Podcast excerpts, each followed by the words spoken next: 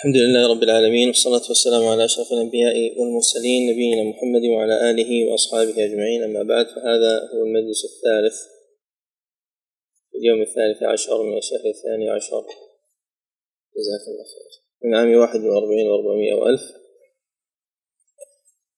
هو المجلس الثالث من مجالس التعليق على نخبة الفكر. ونتدارس بعض ما أخذناه بالأمس. ذكرنا أن الغرابة على نوعين فما هما؟ تفضلوا فرق مطلق أو فرق نسبي ما معناهما؟ الفرق المطلق تفرد في أحد الطبقات المطلق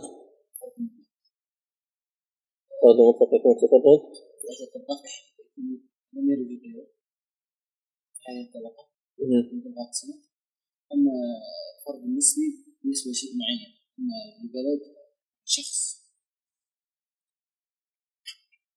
في إجابة أخرى يا إخوان؟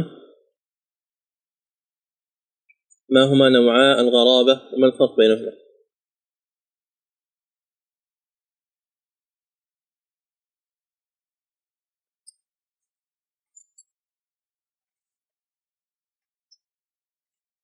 تفضلوا يا إخوان.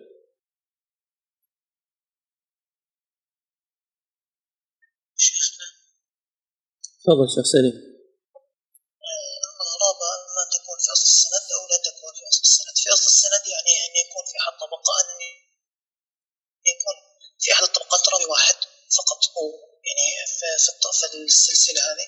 وإن لم يكن في أصل السند فشيء نسبي هو الفرد ال- الفرد النسبي مثلا أهل البلد انفردوا به أو يعني من هذه النوعية. طيب. قد تكون الغرابة غرابة مطلقة بحيث لا يرويه إلا واحد. لا يروي هذا الحديث إلا واحد عن واحد إلى منتهى السند. من المؤلف مثلا أو من طبقة فوق ذلك بقليل فحينئذ هذا يعتبر فرد مطلق. قد يكون نسبيا يعني بالنسبة لأهل بلد أو بالنسبة لشيخ مشهور أو بالنسبة لكتاب. ما هي شروط الحديث الصحيح؟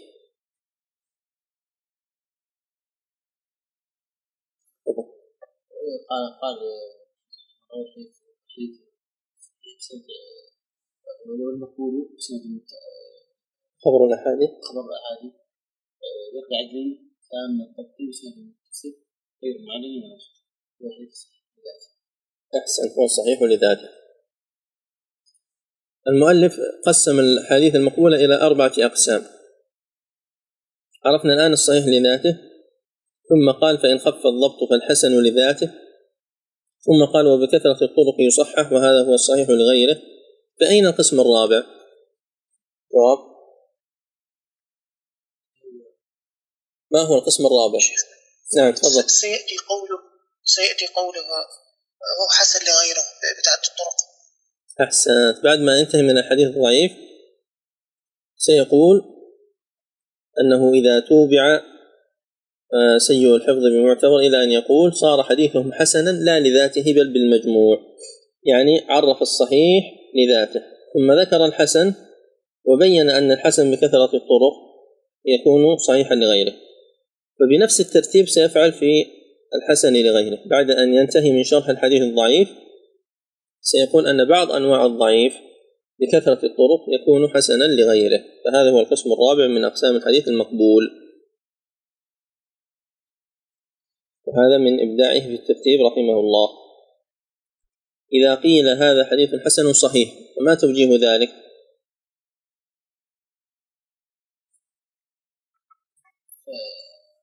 إذا جمع في عدة أقوال يعني من أقوال فهم أول شيء أنه يقصد أنه إذا كان للتفرد فإنه للتردد في ذلك الناقد التفرد وإن. أو أنه بالنسبة لسنتين. أحسنت. سندين أو أكثر. السؤال الأخير زيادة الثقة. ما الصحيح فيها من حيث القبول والرد ما الصحيح في زيادة الثقة من حيث القبول أو الرد؟ توقف شيخنا حيث أن كل حديث قد يقبل وقد يرد يعني ما في قاعدة مضطردة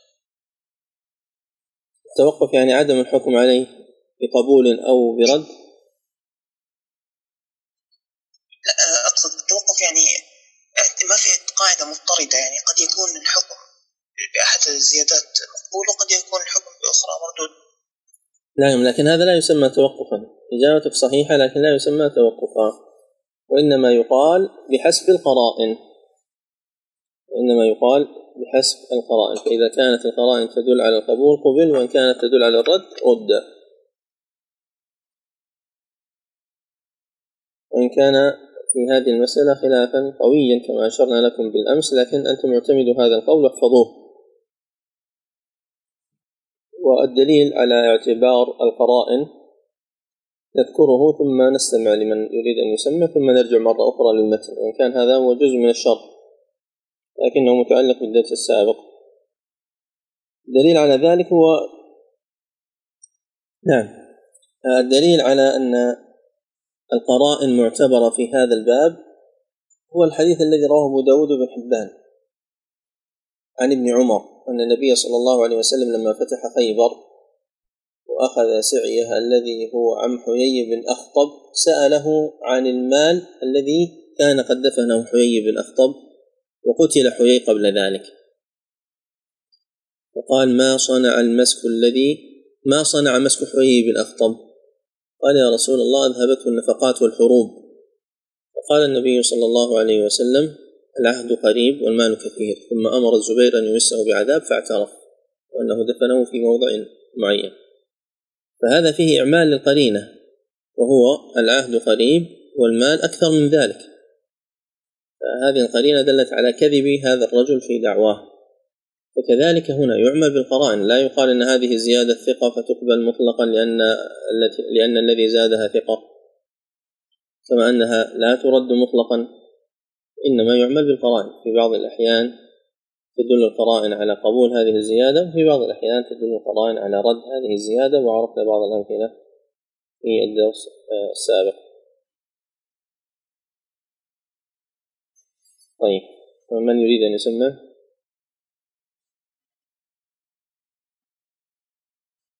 المستعد يتفضل يا إخوان.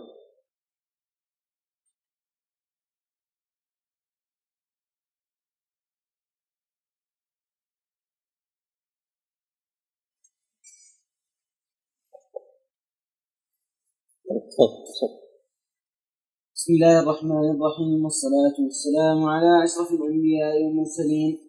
نبينا محمد عليه أفضل الصلاة وأتم التسليم.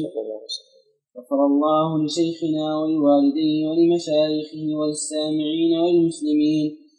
وبأسانيدكم حفظكم الله إلى إلى الحافظ ابن حجر في متنه النخبة أنه قال ثم المردود إما أن يكون لسقط أو طعن. مثل تعيد من فإن خولف أو وزيادة راويهما وزيادة راويهما وزيادة راويهما مقبولة ولم تقع منافية لمن هو أوثق. فإن خولف بأرجح فالراجح المحفوظ ومقابله الشاذ. ومع الضعف الراجح المعروف ومقابله المنكر. والفرد النسبي إن وافقه غيره فهو المتابع إن وجد متن يشبهه فهو الشاهد. وتتبع الطرق لذلك هو الاعتبار. ثم المقبول إن سلم من إن سلم من المعارضة فهو المحكم وإن عورض بمثله فإن أمكن الجمع فهو مختلف الحديث. أو ثبت المتأخر فهو الناسخ والآخر منسوخ وإلا فالترجيح ثم التوقف. ثم المردود إما أن يكون لسقط أو طعن السقط إما أن يكون من مبدأ السند من مصنف أو من آخره بعد التابعي أو غير ذلك. الأول المعلق والثاني المرسل والثالث إن كان باثنين فصاعدا مع التوالي فهو المعضل وإلا فالمنقطع. ثم قد يكون واضحا أو خفيا فالأول يدرك بعدم التلاقي ثم احتيج إلى التأليف والثاني مدلس ويرد بصيغة اللقي كعن وقال وكذا المرسل الخفي من معاصر لم يلقى. نعم واصل ثم الطعن إما أن يكون لكذب الراوي أو كذبه ثم الطعن إما أن يكون لكذب الراوي أو تهمته بذلك أو فحش غلطه أو غفلته أو فسقه أو وهمه أو مخالفته أو جهالته أو بدعته أو سوء حفظه. فالأول الموضوع والثاني مفهوم نعم إلى هنا. الأول موضوع نقف على هذا.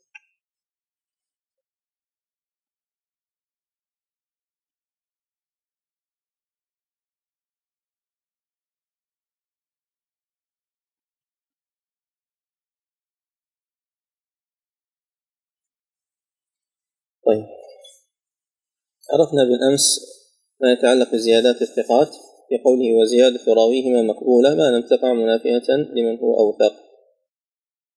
قال فإن خولف بأرجح فالراجح المحفوظ ومقابله الشاذ ومع الضعف الراجح المعروف ومقابله المنكر. هذه أربعة أقسام متقابلة. الشاذ يقابله المحفوظ والمنكر يقابله المعروف.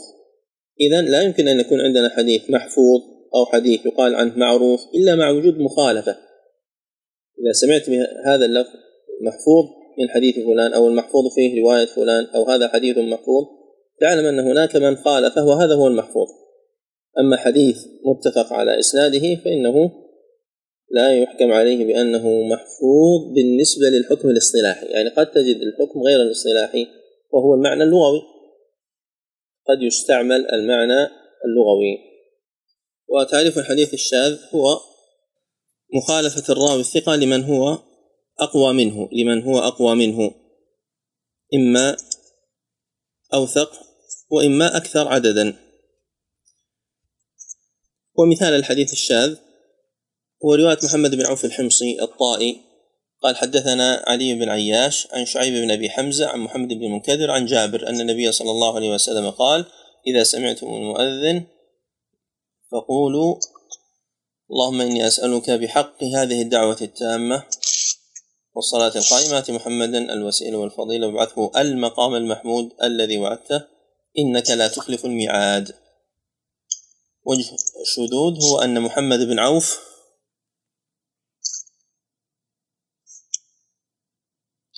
وجه الشذوذ هو أن محمد بن عوف ثقة ولكنه خالف من هو أوثق منه أكثر عددا. وذكرنا ثمانية أو نحو ذلك من الحفاظ الثقات الذين رووا هذه الحديث الذين رووا هذا الحديث دون زيادة إنك لا تخلف الميعاد مع المخالفتين السابقتين بحق هذه الدعوة والمقام المحمود وأنهم رووها مقاما محمودا. ومنهم البخاري عن علي بن عياش وأحمد بن حنبل عن علي بن عياش محمد بن سهل بن عسكر عن علي بن عياش وابن منصور عن علي بن عياش وغير هؤلاء. والحديث رواه الستة إلا مسلم. فهذا مثال للحديث الشاذ. فيقال عن رواية محمد بن عوف أنه حديث شاذ ويقال عن رواية الجمهور هذا حديث محفوظ محفوظ بهذا اللفظ. وتلاحظ أن الشذوذ قد يكون في الإسناد وقد يكون في المتن قد يكون مخالفا في المتن. مثل أن يصل الحديث الذي المحفوظ فيه الإرسال أو أو, أن يرسل الحديث الذي المحفوظ فيه الاتصال. طبعا الوقف والرفع أن يكون المحفوظ أحدهما فيخالف الراوي الثقة فيجعل الحديث على خلاف ذلك.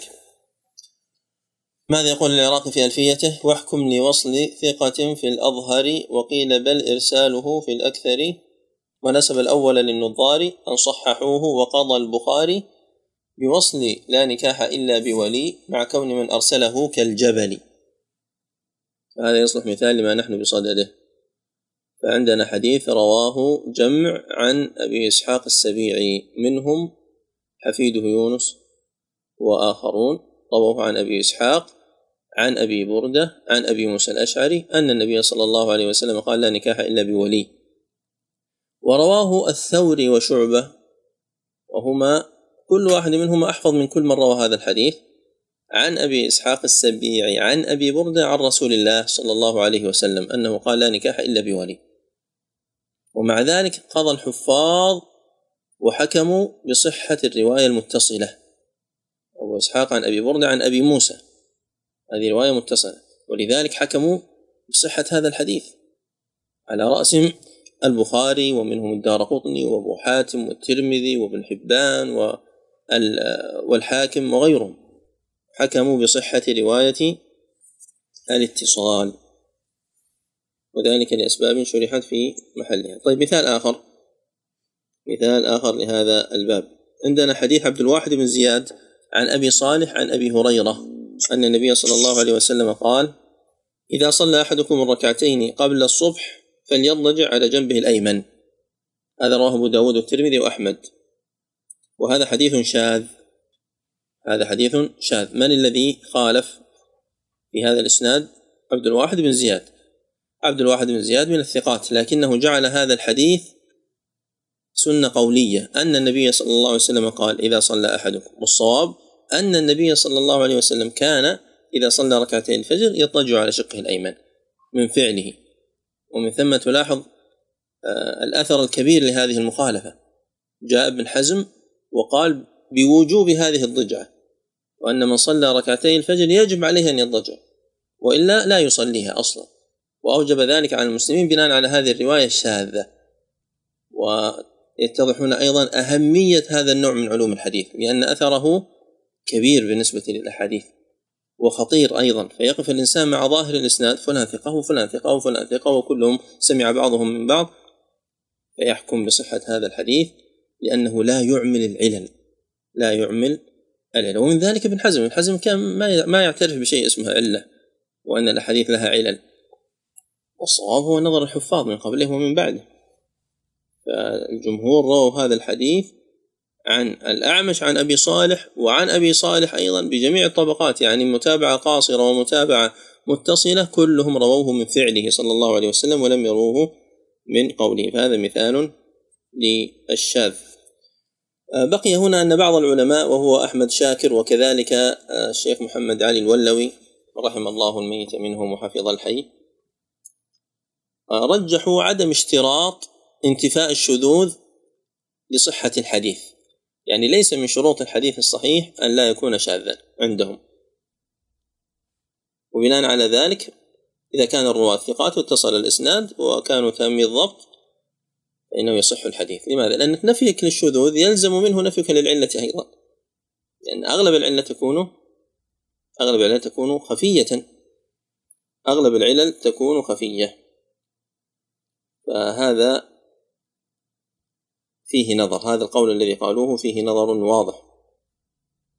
ولا يعد الحديث الذي يتفرد به الثقة تفردا تاما لا يعد شاذا لعدم المخالفة. على قول الراجح طبعا نحن الآن نبني على ما ذكره المؤلف وإلا هناك خلاف في تعريف الحديث الشاذ وأنه كل تفرد يعتبر شذوذا.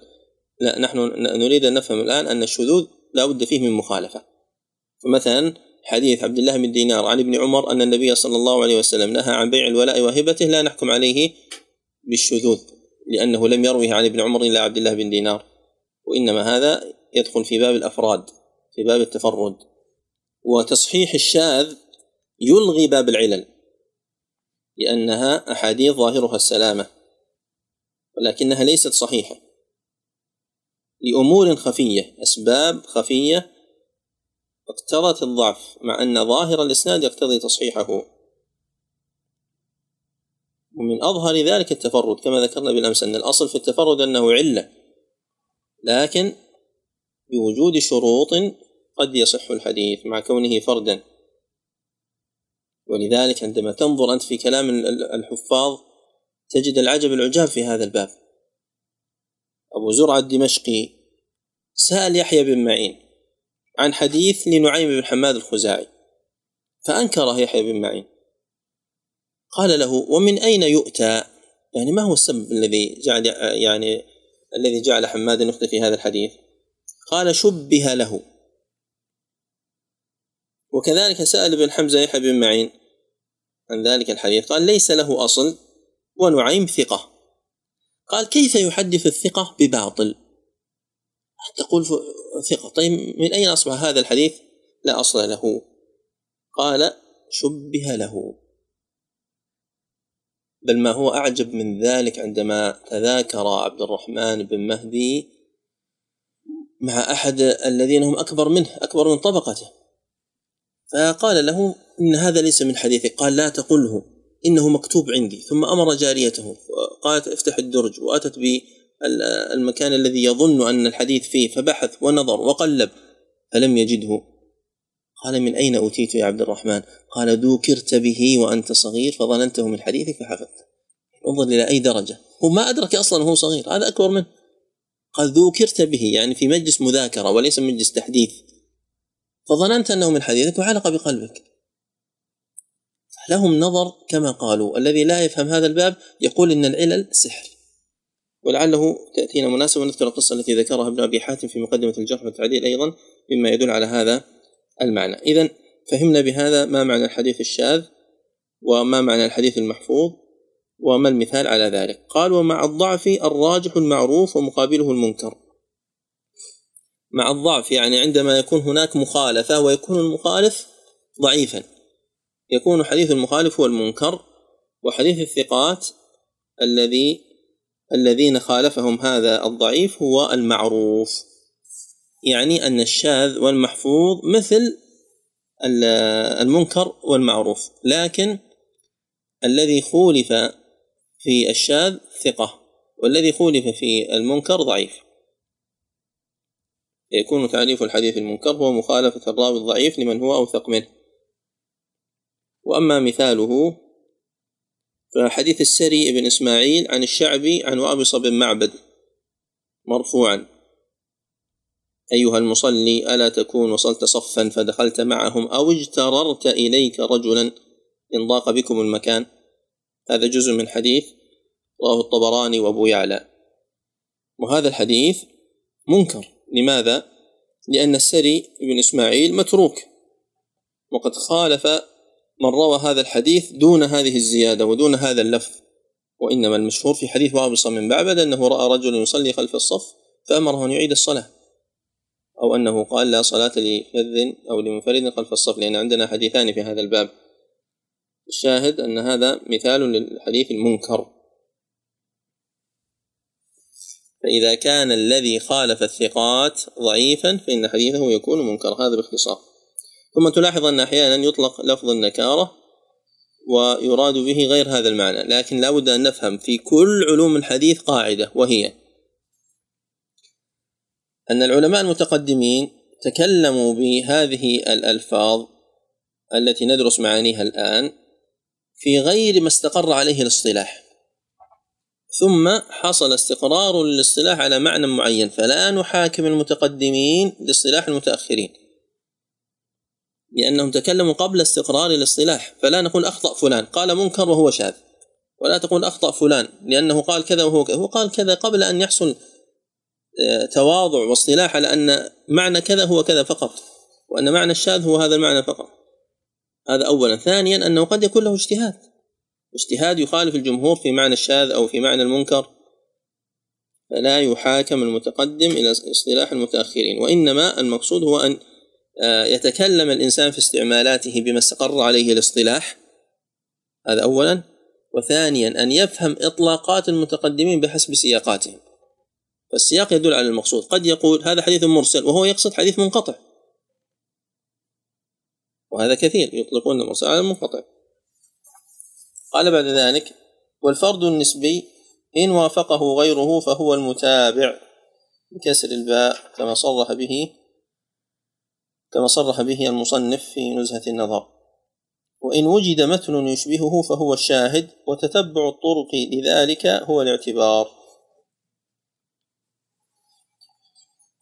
هذا باب الاعتبار والشواهد والمتابعات. وعندما ذكر ابن الصلاح هذا الباب أوهم بعض الناس أنها ثلاثة أقسام. والصواب أنهما قسمان والاعتبار ليس قسيما للمتابعة والشواهد. فالاعتبار كما قال العراقي الاعتبار سبرك الحديث هل شارك راو غيره فيما حمل؟ الاعتبار هو السبر والبحث الذي ينتج عنه معرفة وجود المتابعات والشواهد. فليس الاعتبار قسما من أقسام هذا البحث. لذلك قال وتتبع الطرق لذلك هو الاعتبار. إذا تعريف الاعتبار هو تتبع الطرق والبحث في الأسانيد حتى يعرف الإنسان هل هذا الحديث فرد أو هناك متابعات وطرق أخرى. بعد شوية جزاك الله خير. ونعرف أن هناك خلافا على أربعة أقوال في معنى في معنى المتابعات وفي معنى الشواهد. لكن القول المعتمد الذي ينبغي أن تحفظه الآن هو ما ذكره المصنف هنا وهو أن الحديث الذي ظاهره أنه فرد لذلك قال فرد نسبي إن وافقه غيره يعني أحد رواة الإسناد ممن دون الصحابي وافقه غيره في رواية هذا الحديث. فهو المتابع. إذا يشترط في المتابع أن يكون من حديث صحابي واحد بغض النظر عن اللفظ سواء وافقه في اللفظ أو خالفه. فإن وافقه في اللفظ فهو متابع لفظي ومتابعة لفظية وإن خالفه فهي متابعة معنوية. ومتابعة في المعنى. وإن وجد متن يشبهه لكن من حديث صحابي آخر فهو شاهد. لأنه يعتبر حديث آخر سواء وافقه في المتن أي في اللفظ أو خالفه لكنه بمعناه. خالفه في اللفظ ووافقه في المعنى. والاعتبار طريقة المتقدمين. لماذا؟ لأنهم كيف يعرفون كون هذا الراوي ثقة أو ليس بثقة؟ يعرفون ذلك بسبر أحاديثه. فإذا سبروا الأحاديث ووجدوه يوافق الثقات حكموا عليه بأنه ثقة وإذا كان يخالف الثقات حكموا عليه بأنه ضعيف. روى الخطيب البغدادي في جامعه عن عبد الرحمن بن مهدي. قال لما حدث الثوري عن حماد عن عمرو بن عطية التيمي عن سلمان إذا حككت جسدك فلا تمسحه ببزاق فإنه ليس بطهور. قلت يا أبا عبد الله خالفك الناس في هذا الحديث. هذا الآن أثر عن سلمان. يرويه الثوري عن حماد بن أبي سليمان عن عمرو بن عطية التيمي عن سلمان يعني بينه وبين سلمان هذان الرجلان. عبد الرحمن بن مهدي تلميذه يقول خالفك الناس. يعني بتتبعه للطرق والنظر في الأسانيد وجد أن الإسناد هذا تفرد به الثوري. فهو الآن يريد أن يراجع حتى يكتشف الخلل لأن الثوري حافظ كبير. فقال له خالفك الناس. قال ومن؟ قال شعبة. عن حماد عن ربعي.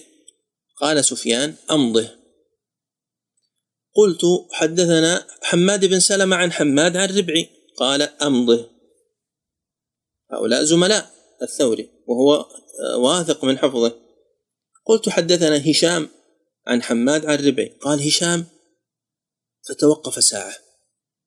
ثم قال كأني أسمع حمادا يقول حدثنا عمرو بن عطية عن سلمان يعني كأني الآن أرى الشيخ وهو يتكلم بهذه الحروف من شدة إيقانه بأن الإسناد هكذا. قال عبد الرحمن فمكثت زمانا أحمل الخطأ على سفيان. يعني مكث زمن بناء على ما ظهر كلهم يقولون كذا وهو يقول كذا لأن هو المخطئ. لأن هذه الطريقة التي يعرفون بها خطأ المخطئ. قد يكون الخطأ من شيخه قد يكون الخطأ من تلميذه فإذا تبين أن الذين خالفوه شاركوه في شيخه إذا الخطأ منه هو. يعني شاركوه في شيخه على خلاف الوجه الذي أتى به. قال مكثت زمانا أحمل الخطأ على سفيان حتى نظرت في كتاب غندر عن شعبة فإذا فيه حدثنا شعبة. قال حدثنا حماد عن ربعي عن سلمان. قال شعبة وكان حماد قال مرة عن عمرو بن عطية. فعلمت أن الثوري كان إذا حفظ شيئا لا يبالي من خالفه. يعني هذه المرة هي التي حفظها الثوري وربما هي التي حضر فيها الثوري. وتلاحظون أهمية كتاب غندر بالنسبة لتلك الطبقة محمد بن جعفر البصري. لماذا؟ لأنه من أصح الكتب. فإذا اختلف الناس على شعبة فالحكم كتاب غندر. هو الحكم بينهم. حتى أن ابن معين قال اجتهدت هو ومن معه هو ومن معه اجتهدوا يوما أن يخرجوا خطأ واحدا من كتاب غندر فما استطاعوا. تلاحظ هنا يعني أهمية البحث والنظر وأهمية أيضا أن يكون الإنسان واثق مما يرويه. فهذا الثوري مثلا لم يتزعزع ويشك لأن فلان وفلان خالفه. مع أنه في أحاديث أخرى كان يرجع مباشرة. لماذا؟ لأنه ليس عنده مثل ما عنده في هذا الحديث اليقين بأن الرواية على هذا الوجه. هذه القصة طبعا رواها الخطيب البغدادي في كتاب الجامع وهنا قصة أخرى رواها ابن حبان في كتابه المجروحين. ولكن آه، لا تتأثر كثيرا في هذه القصة بحكم آه، الذهب عليها في سير علم النبلاء وخذ العبرة منها. وهذه القصة هي أن لا إله إلا الله يحيى بن معين. نعم يحيى بن معين جاء جاء لعفان بن مسلم الصفار البصري. عفان بن مسلم من شيوخ البخاري توفي سنة 219 من الحفاظ المعروفين ومن أشهر تلاميذ حماد بن سلمة. فجاء إليه ليسمع منه كتب حماد بن سلمة فقال له عفان أما سمعتها من أحد؟ فقال بلى من سبعة عشر. قال والله لا أحدثك بها أو والله لا حدثتك. قال إنما هو درهم؟ وأنزل إلى البصرة وأسمع من التبوذكي. من هو التبوذكي؟ موسى بن إسماعيل التبوذكي الحافظ الشهير الذي هو أيضا من تلاميذ حماد بن سلمة. فذهب إلى التبوذكي. وقال له مثل ما قال لعفان قال أما سمعته من أحد؟ قال بلى سمعته على الوجه من سبعة عشر وأنت الثامن عشر. قال ما تصنع بهذا؟ يعني سمعت حديث حماد انتهى الأمر. قال له إن حمادا كان يخطئ. فأردت أن أعرف هل الخطأ منه أو من غيره فإذا اجتمع أصحابه عليه علمت أن الخطأ منه. هذا الآن هو المتابعات والشواهد.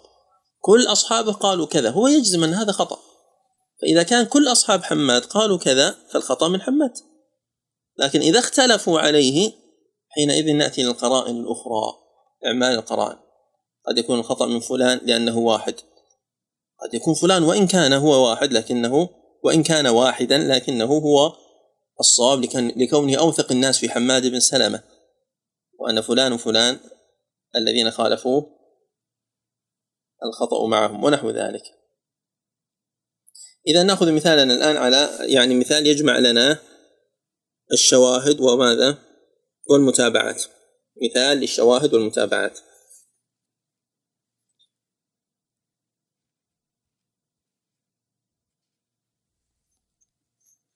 روى البخاري ومسلم حديثا من طريق مالك عن نافع عن ابن عمر أن النبي صلى الله عليه وسلم نهى عن الشغار.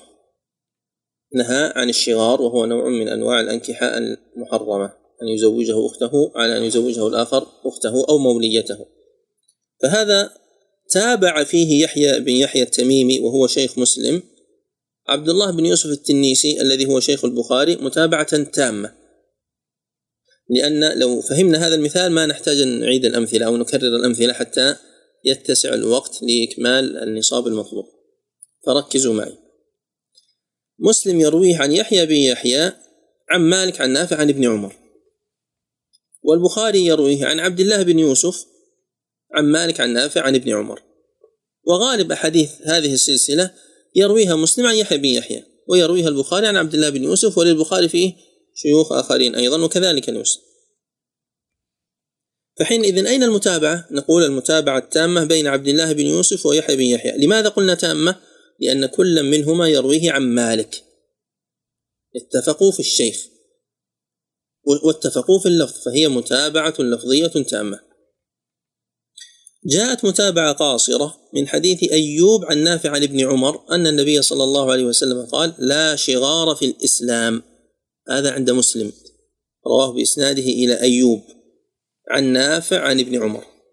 فمتابعة أيوب ليحيى بن يحيى وعبد الله بن يوسف تعتبر متابعة قاصرة لماذا؟ لأنه لم أحسنت لم يشاركه في شيخهم ولم يشاركهما في شيخهما وإنما في شيخ شيخهما طيب هي بالنسبة لمالك تسمى إيش؟ متابعة تامة لكنها متابعة إيش؟ معنوية لأنه لا يشترط فيها الموافقة في اللفظ إنما في الصحابي نحن الآن نتكلم على ما ذكره المؤلف على ما هو المعتمد لأن هناك قول آخر بأنه بالعكس الشاهد هو المتابع والمتابع هو الشاهد وهناك قول آخر بأن المعتبر هو اللفظ وليس المعتبر الاتفاق في الصحابي. لكن لا نريد أن نشوش عليكم الآن أنت تفهم أن الشواهد اختلاف الصحابي مع الاتفاق في المتن لفظا أو معنى. والمتابع هو الاتفاق في الصحابي. وين اختلف الشاهد؟ آه نعم. هو الاتفاق في الصحابي لفظا أو معنى. وإن اختلف المتن. وإن اختلف المتن في اللفظ لكن أهم شيء أن يكون المعنى واحد. فعندنا الآن مالك عن نافع عن ابن عمر وأيوب عن نافع عن ابن عمر. متن مالك نهى عن الشغار. ومتن أيوب لا شغار في الإسلام. متن أيوب هذا رواه مسلم. جاء عن أبي الزناد عن الأعرج عن أبي هريرة آه، قبل أن ننتقل لأبي الزناد نريد الآن متابعة أخرى. متابعة أخرى حتى نفهم في هذا الحديث نفسه. جاءت متابعة قاصرة. مع الاتفاق في اللفظ من طريق يحيى بن سعيد القطان عن عبيد الله العمري عن نافع عن ابن عمر أن النبي صلى الله عليه وسلم نهى عن الشغار. هذا أيضا متفق عليه. البخاري رواه عن مسدد عن يحيى عن عبيد الله عن نافع عن ابن عمر. مسلم رواه من طريق زهير بن حرب ومحمد بن المثنى وعبيد الله بن سعيد هؤلاء الثلاثة عن يحيى بن سعيد عن عبيد الله عن نافع عن ابن عمر. السلسلة التي ذكرنا لكم في الدرسين الأولين أن أبا حاتم قال فيها كأنها دنانير هي سلسلة مسدد هذه التي معنا الآن. مسدد عن يحيى عن عبيد الله عن نافع عن ابن عمر. من متون هذه السلسلة هذا الحديث الذي هو نهى عن الشغار. فإذا سئلت ما العلاقة بين مسدد وبين يحيى بن يحيى أو عبد الله بن يوسف في هذا الحديث تقول متابعة قاصرة لأنهم لم يتفقوا في الشيخ لأن شيخ يحيى من؟ عبيد الله بن عمر العمري وشيخ عبد الله بن يوسف يحيى بن يحيى مالك فهذه تسمى متابعة قاصرة مع أن المتن واحد من حيث اللفظ طيب جاء هذا الحديث عند مسلم من حديث أبي الزناد عن الأعرج عن أبي هريرة أن رسول الله صلى الله عليه وسلم نهى عن الشغار. من يعرف هذا الطريق بالنسبة لما سبق ماذا يسمى؟ أحسن أحسنتم. هذا شاهد. لماذا؟ لأن هذا من حديث أبي هريرة وذاك من حديث ابن عمر. طيب لماذا لم يقل؟ هذا حديث آخر. له شاهد وله متابع. لماذا لم يقل ذلك؟ نعم لأن الباب واحد والمعنى واحد. بل إن اللفظ واحد. كلا الحديثين نهى عن الشغار. فلذلك تجد مثلا من كذب عليه متعمدا فليتبوى مقعده من النار.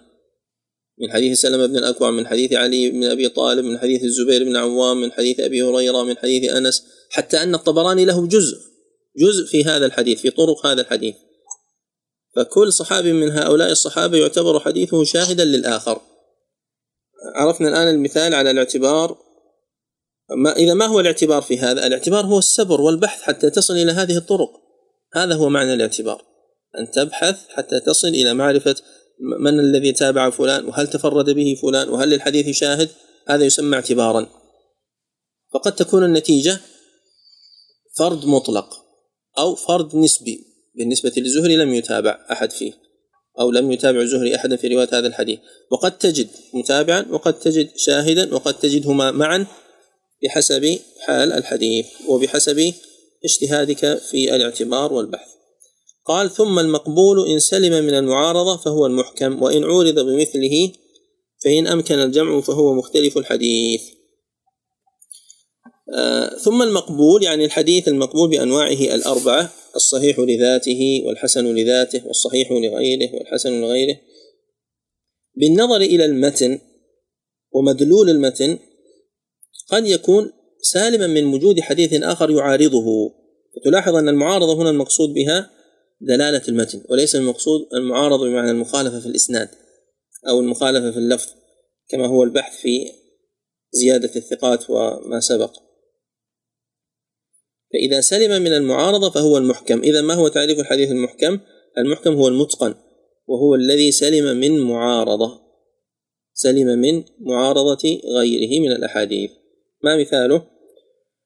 مثاله حديث آه، نهى النبي صلى الله عليه وسلم عن بيع الطعام حتى يقبض أو حتى يستوفى. هذا جاء من حديث جمع من الصحابة وهو متفق عليه من حديث ابن عباس. لا يوجد حديث آخر يخالفه في المعنى. وإنما اختلف العلماء في توسيع هذا المعنى أو تضييقه. أما دلالته النصية وهو تحريم بيع الطعام حتى يقبض يعني أن لا يبيع الإنسان الطعام الذي اشتراه حتى يقبضه من البائع الأول هذا محل إجماع بين أهل العلم. أجمعوا عليه في الطعام. مثال آخر. قول النبي صلى الله عليه وسلم من أحيل على مليء فليتبع. كما لفظ كما هو لفظ الصحيحين أو فليحتل كما هو لفظ المسند هذا أيضا صحيح. حديث لا معارض له في بابه. فهذا يسمى الحديث المحكم. وإن عورض بمثله فعندنا فيه حالات. حديث معارض. نقول أولا حتى نفهم التعارض ينقسم إلى قسمين تعارض عقلي وتعارض نقلي. التعارض العقلي هو أن يأتي نص سواء كان هذا النص من الكتاب أو من السنة ويعارض ما يظنه الإنسان دليلا عقليا.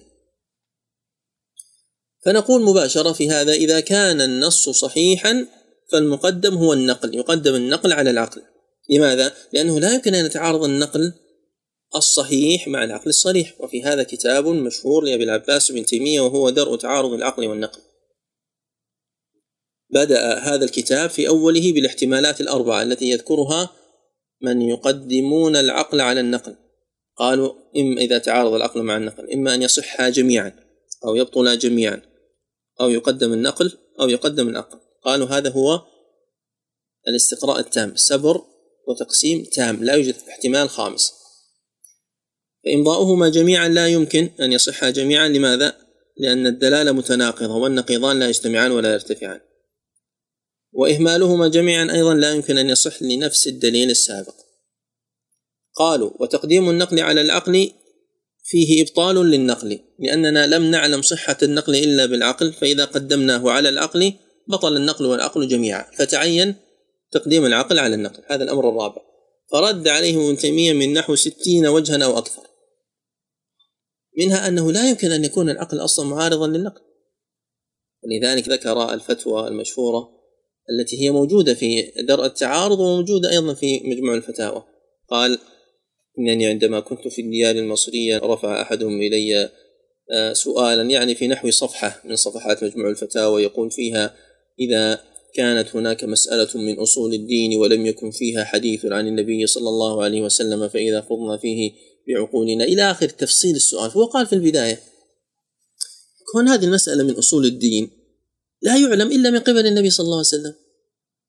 فكيف علمت أنها من أصول الدين؟ ولم يتكلم فيها النبي صلى الله عليه وسلم أن الله عز وجل قال اليوم أكملت لكم دينكم وأتممت عليكم نعمتي ورضيت لكم الإسلام دينا. فهذا الدين جاء به النبي صلى الله عليه وسلم. فمن الذي قال لك إنها من أصول الدين؟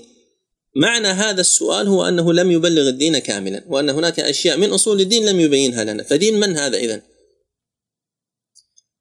الخلاصة في هذا أنه إذا وجد تعارض بين العقل والنقل فاتهم العقل. لا يمكن أن يكون النقل باطلا وهذا حصل لي بالأمس القريب. كنت في مجلس فقال إن فرعون الموجود الآن يعني هذا ليس هو فرعون المذكور في القرآن وأن وبدأ يخوض في هذا. قلت يا أخي لا يمكن أن يكتب القرآن. اليوم ننجيك ببدنك لتكون لمن خلفك آية. قال الذين نجوا بأبدانهم كثير والفراعنة محنطين وموجودين في الإهرامات. قلت هل كلهم غرقوا لابد أن يكون هناك فرعون نجاه الله ببدنه قال قد يكون نجاه ببدنه في وقت من الزمن ثم هو الآن مفقود. قلت لماذا تخوض بعقلك؟ ما حاجتك إلى الخوض العقلي؟ الدليل يقتضي أن هذا الموجود هو هو. لماذا؟ لأن هذا يسمى الاستصحاب المقلوب عند الأصوليين. فلا تخض بعقلك مع النص استسلم. ليس معنى هذا هو أن هذا الدين ليس دين قناعة بالعكس هذا هو مقتضى القناعة تمام القناعة في ذلك. فأنت خذ بعقلك في المجال الذي يمكن للعقل أن يخوض فيه. فإذا خرج العقل عن مجاله وحام فيما لا يصلح له فإنه لن يخرج بنتيجة سيخرج بنتائج باطلة. الشيء الذي يغيب عن العقل أصلا كيف ستوصل فيه إلى نتيجة؟ شيء متعلق بذاته سبحانه وتعالى وأسماء وصفاته أو الغيب هذا لا يعرف إلا بالنقل المحض. القسم الثاني هو أن يكون التعارض نقليا يعني تعارض بين دليل سمعي ودليل سمعي آخر.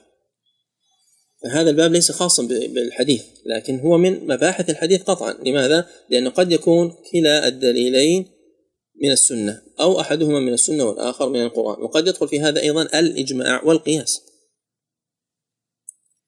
فإذا عورض الحديث بدليل آخر معارض له ولنفترض أنه حديث آخر فعندنا عدة احتمالات. أولا قبل الخوض في هذه الحالات التي ذكرها المؤلف لا بد من التأكد من الصحة قبل دعوى التعارض. لا بد من التأكد من صحة الحديثين قبل ادعاء التعارض فيهما. لماذا؟ لأن الصحيح لا يعارض الضعيف الصحيح لا يعارض الضعيف. نذكر لذلك مثلا آه، روى البخاري ومسلم عن حذيفة رضي الله عنه أنه قال رأيت النبي صلى الله عليه وسلم أتى سباطة قوم فبال قائمة. هذا حديث واضح وصحيح. جاء عن جابر أن النبي صلى الله عليه وسلم نهى أن يبول الرجل الرجل قائما كيف يبول قائم وينهى عن البول قائما؟ نقول ما أنت بحاجة أصلا للخوض في هذا من حيث الجمع أو التوفيق أو النسخ. لماذا؟ لأن الحديث الثاني حديث ضعيف. رواه ابن ماجه وهو حديث ضعيف. طيب أحيانا يوفق العلماء بين الحديث الضعيف والحديث الصحيح. لماذا؟ تنزلا. من باب أنه لو صح هذا الحديث فالجواب عنه كذا. لأنه قد تظهر طرق أو يكون هناك آه، أسباب خفيت عليهم تقتضي صحة هذا الحديث. فيكون هذا البحث عندهم نافلة.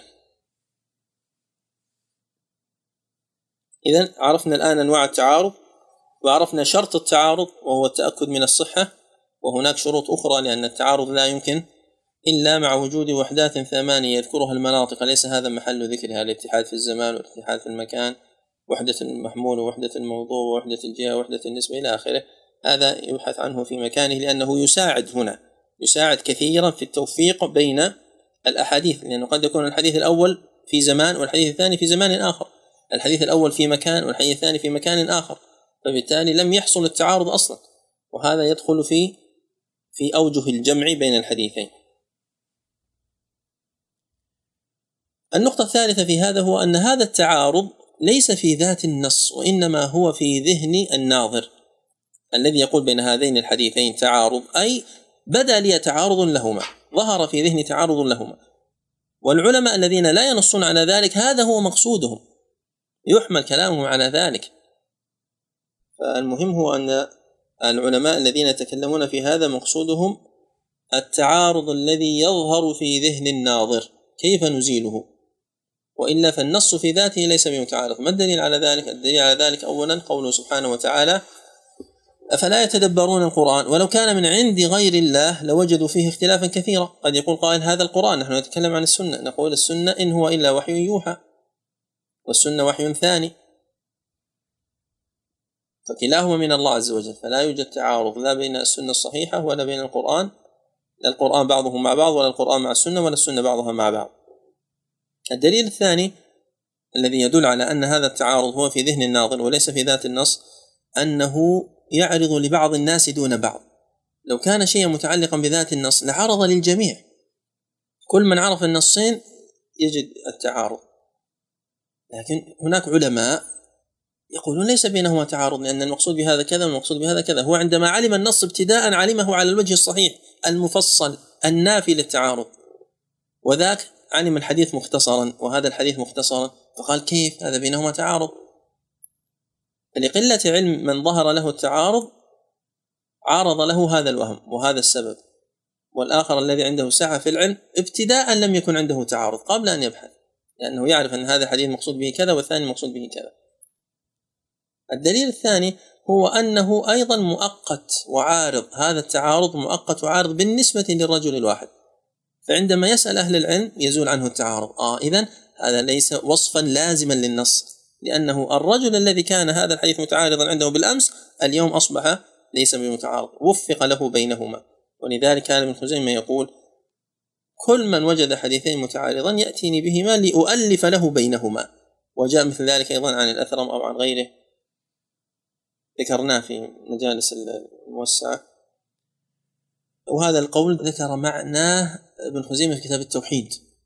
والعلماء ينقلونه عنه بهذا اللفظ. الشاهد وأنه لو كان هذا الأمر لازما للنص لما أمكن زواله من ذهن من عرض له التعارض. ثم هذا يعني التمثيل له واسع جدا. المؤلف يقول عندك أربع درجات الدرجة الأولى الجمع وهذا أحسن شيء. لماذا؟ لأنه نص مالك والشافعي وأحمد على هذه القاعدة المهمة وهي إعمال الدليلين أولى من إهمال أحدهما. فكيف يكون إعمال الدليلين؟ بالجمع بينهما والتوفيق بينهما. هذه الدرجة الأولى وهي الجمع. إن أمكن الجمع فهو المتقدم. وحينئذ يدخل في باب اسمه مختلف الحديث. قد ألف في مختلف الحديث جمع من أقدمهم الشافعي. وكذلك ابن قتيبة له كتاب في ذلك والطحاوي له كتاب كبير وهو أوسع ما كتب في هذا الباب وهو شرح مشكل الآثار. فإذا كان الجمع غير متكلف فهو معتمد. يعني أحيانا يكون هناك جمع متكلف فيكون غير صحيح. ننتقل إلى الدرجة الثانية وجود هذا الجمع كعدمه.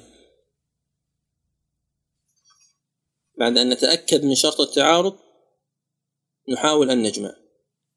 فإذا أمكن الجمع فإننا لا نلجأ لما بعده خلافا للحنفية الذين يقدمون الترجيح عليه. والصواب هو صنيع الجمهور وهو أن المقدم هو الجمع. إذا أمكن الجمع فلا تعارض.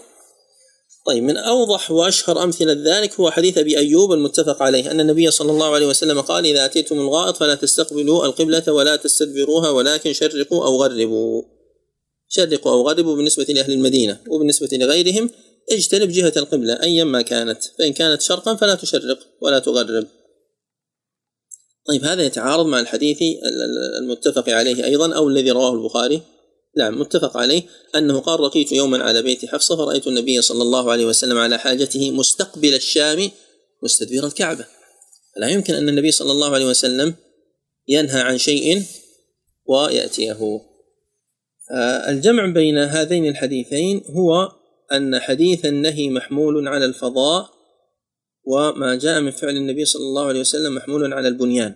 فإذا كان الإنسان في الفضاء وليس بينه وبين القبلة حائل فإنه يحرم عليه أن يستقبل أو يستدبر الكعبة عند قضاء الحاجة. وهذا هو قول الجمهور من المالكية والشافعية والحنابلة في هذه المسألة توفيقا بين الدليلين. في حين أن الحنفية لهم قول آخر في هذا. ما هو قول الحنفية؟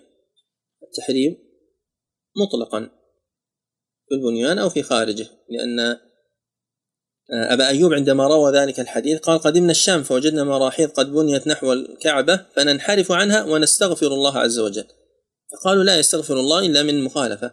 فدل ذلك على أنه حتى في البنيان لا يستقبل. وقابل هذين القولين قول من يقول بالجواز داخل البنيان وخارجه فلم يعمل هذه الأحاديث أصلا. ظنا منه أن هناك حديث ناسخ وهو حديث جابر أن النبي صلى الله عليه وسلم نهى أن نستقبل القبلة ببول قال فرأيته قبل أن يقبض بعام يستقبلها هذا أيضا تعارض من وجه آخر. فقالوا إذا هو منسوخ هذا ما ذهب إليه داود وابن حزم ما وافق داود في هذه المسألة وإنما قال بالقول الموافق لقول الحنفية ورواية عن أحمد ألا وهي التحريم مطلقا. فنقول أن هذا الحديث الأخير لا يمكن أن يعارض به الأحاديث السابقة لأنه ضعيف وهو أبو داود والترمذي وابن ماجه وفيه ضعف كما ضعفه ابن عبد البر وغيره. والكلام في تخريجه قد يطول لأنه تكلم فيه بصالح بن أبان. المهم أنه ليس حتى لو قيل بصحته أنه ليس في القوة بدرجة الأحاديث الثابتة الصحيحة السابقة. ومن أين أخذ العلماء هذا القيد بالنسبة للصحراء؟ أخذوه من فعل ابن عمر راوي الحديث. كما قال مروان بن الأصفر أنه رآه أناخ راحلته ثم قضى حاجته مستقبل القبلة. فقال إنه عندما سئل أليس قد نهي عن هذا قال إذا كان بينك وبين القبلة شيء فلا يضر. اذا هذا مثال على الجمع بين الأحاديث. هذا مثال على الجمع بين الأحاديث. من العلماء من جمع بينهما من المعاصرين من جمع بينهما بحمل أحاديث النهي على الكراهة. وهذا من أوجه الجمع. يرد نهي عن شيء معين ثم يرد فعل للنبي صلى الله عليه وسلم أو قول آخر يخالف هذا يخالف هذا النهي فيحمل هذا النهي على الكراهة. لو لم يرد هذا الحديث المعارض لكان دالا على التحريم. مثل نهى عن الشرب قائما رواه مسلم. وجاء أنه شرب قائما فدل ذلك على أن النهي عن الشرب قائما محمول على الكراهة. هذا مذهب جمهور العلماء في هذا. ومذهب الصحابة لأن أكثر الآثار في مصنف ابي شيبة أنهم شربوا قائما بلا عذر. بل في صحيح البخاري عن علي أنه كان جالسا فتوضأ ثم قام وشرب فضله. وقال إني رأيت النبي صلى الله عليه وسلم فعل ذلك. دل ذلك على أنه على أن النهي على الكراهة. وإن كان هناك يعني لا نستطيع أن نتوسع مع كل مثال لأن هذا سيأخذ علينا الوقت. لكن يكفي أن نفهم المقصود. طيب. اذا هذان مثالان بالنسبة لماذا؟ للجمع. هناك مثال مشهور عند من؟ هناك مثال مشهور عند علماء الحديث. وهو التعارض بين لا عدوى ولا طيرة وبين حديث فر من المجذوم فرارك من الأسد. حديث لا عدوى ولا طيرة كما رواه مسلم من حديث أبي هريرة وفر من المجنوم هذا رواه البخاري. لكن ليس بلفظ كما تفر من الأسد هذا أظن عند البيهقي. المهم أن هذان حديثان صحيحان وقد مثل بهما ابن الصلاح ومثل بهما العراقي. في نظمه لمتن ابن الصلاح كمتن لا يورد مع لا عدوى للطبع فالنفي وفر عدوى فاختلف العلماء كيف نجمع بينهما؟ لأن الحديث الأول ينفي وجود العدوى يعني المرض لا يعدي والحديث الثاني يأمر بالبعد من المريض بمرض الجذام. فصار عندنا أربعة أقوال في الجمع بينهما. الأول أن هذه الأمراض لا تعدي بطبعها لكن الله سبحانه جعل مخالطة المريض بهذه الأمراض سببا لإعدائه لغيره. ثم قد يتخلف هذا السبب كما يتخلف غيره من الأسباب. يعني لا عدوى بذاتها لا عدوى بذاتها. ولكن عليك أن تتخذ الأسباب بالبعد من هذا المريض. وهذا هو قول ابن قتيبة وهو قول ابن الصلاح وغيرهما ومن مشايخنا هو قول الشيخ عبد العزيز بن باز وهو الأرجح من الأقوال في المسألة. القول الثاني هو أن لا عدوى على عمومه. لا عدوى على عمومه. ويؤيده حديث البعير الأجرب عندما سأل النبي صلى الله عليه وسلم رجلا عن البعير يكون آه، يعني في الصحراء كالظباء ثم يدخل الأجرب بينها فيعديها. فقال النبي صلى الله عليه وسلم فمن أعدى الأول هذا يؤيد أنه لا عدوى أصلا. يعني لا يوجد شيء اسمه عدوى لا يوجد مرض ينتقل من شخص إلى شخص. طيب فر من المجذوم لماذا أمره بالفرار إذا كان لا عدوى؟ قال أصحاب هذا القول هذا من باب سد الذرائع. لئلا يتفق أن يصاب هذا المريض أن يصاب هذا السليم فيظن أن السبب هو العدوى. يظن ذلك وإنما الصواب هو أنه بتقدير الله عز وجل وأنه لا عدوى. فحتى لا يقع في قلبه هذا الوهم وهذا هذا الوهم سدا لهذه المادة أمر بمجانبة مخالطة المريض طبعا هذا قال به جمع كبير من أهل العلم منهم أبو عبيد القاسم ابن سلام وابن خزيمة والطحاوي والطبري في تهذيب الآثار وهو الذي رجحه ابن حجر. نعم. القول الثالث أن العدوى موجودة وتنتقل من شخص إلى آخر ولذلك نهي عن مخالطة المريض. وقيل له فر من المجنون فرارك من الأسد. فجعل هذا الحديث هو المحكم. وأن لا عدوى هذا الذي يحتاج إلى تأويل. لكن لا أذكر الآن بماذا أولوه ينظر في هذا. قد هذا قول أشار إليه آه، أبو أبو عبيد. المهم أن القول الثالث هو قول الباقلاني. الباقلاني يقول أن الأمر بالفرار من المجذوم خاص بالجذام ويكون لا عدوى لسائر الأمراض. وبغض النظر عن صحة هذا القول هنا لكن هذه من أوجه الجمع الكثيرة وهو الجمع بالتخصيص والتعميم. في الحديث الذي معه صيغة عموم يكون هو العام والحديث الآخر يكون هو الخاص فيعمل بالخاص في محله وبالعام في غير محل الخصوص. وهنا فائدة وهو أن مذهب الأشاعرة في نفي تأثير الأسباب مطلقا من أبطل المذاهب لمنافاته للشرع وللحس. يقولون كل شيء حصل بسبب شيء آخر يقول حصل عنده لا به. واضطر بعضهم لترك أصله في باب القياس فجعل العلة مؤثرة بذاتها أو بعض العلل مؤثرة بذاتها كما تجد مثلا في ورقات الجويني. تركوا أصولهم العقدية في مثل هذا الباب لأنه ما يمشي إلا هكذا. كيف تقيس إذا؟ وإن أصبحت كل القياسات قياسات شبهية.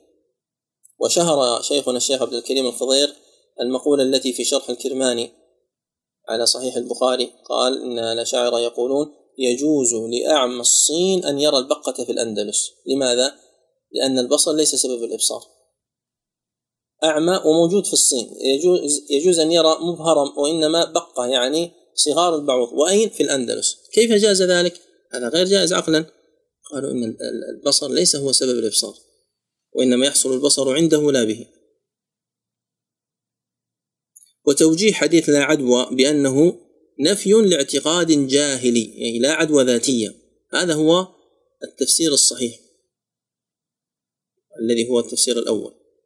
لماذا؟ لأن هذا الاعتقاد الجاهلي أن المرض ينتقل بنفسه هو مطابق لمعتقد المعتزلة أن الأسباب مؤثرة بذاتها.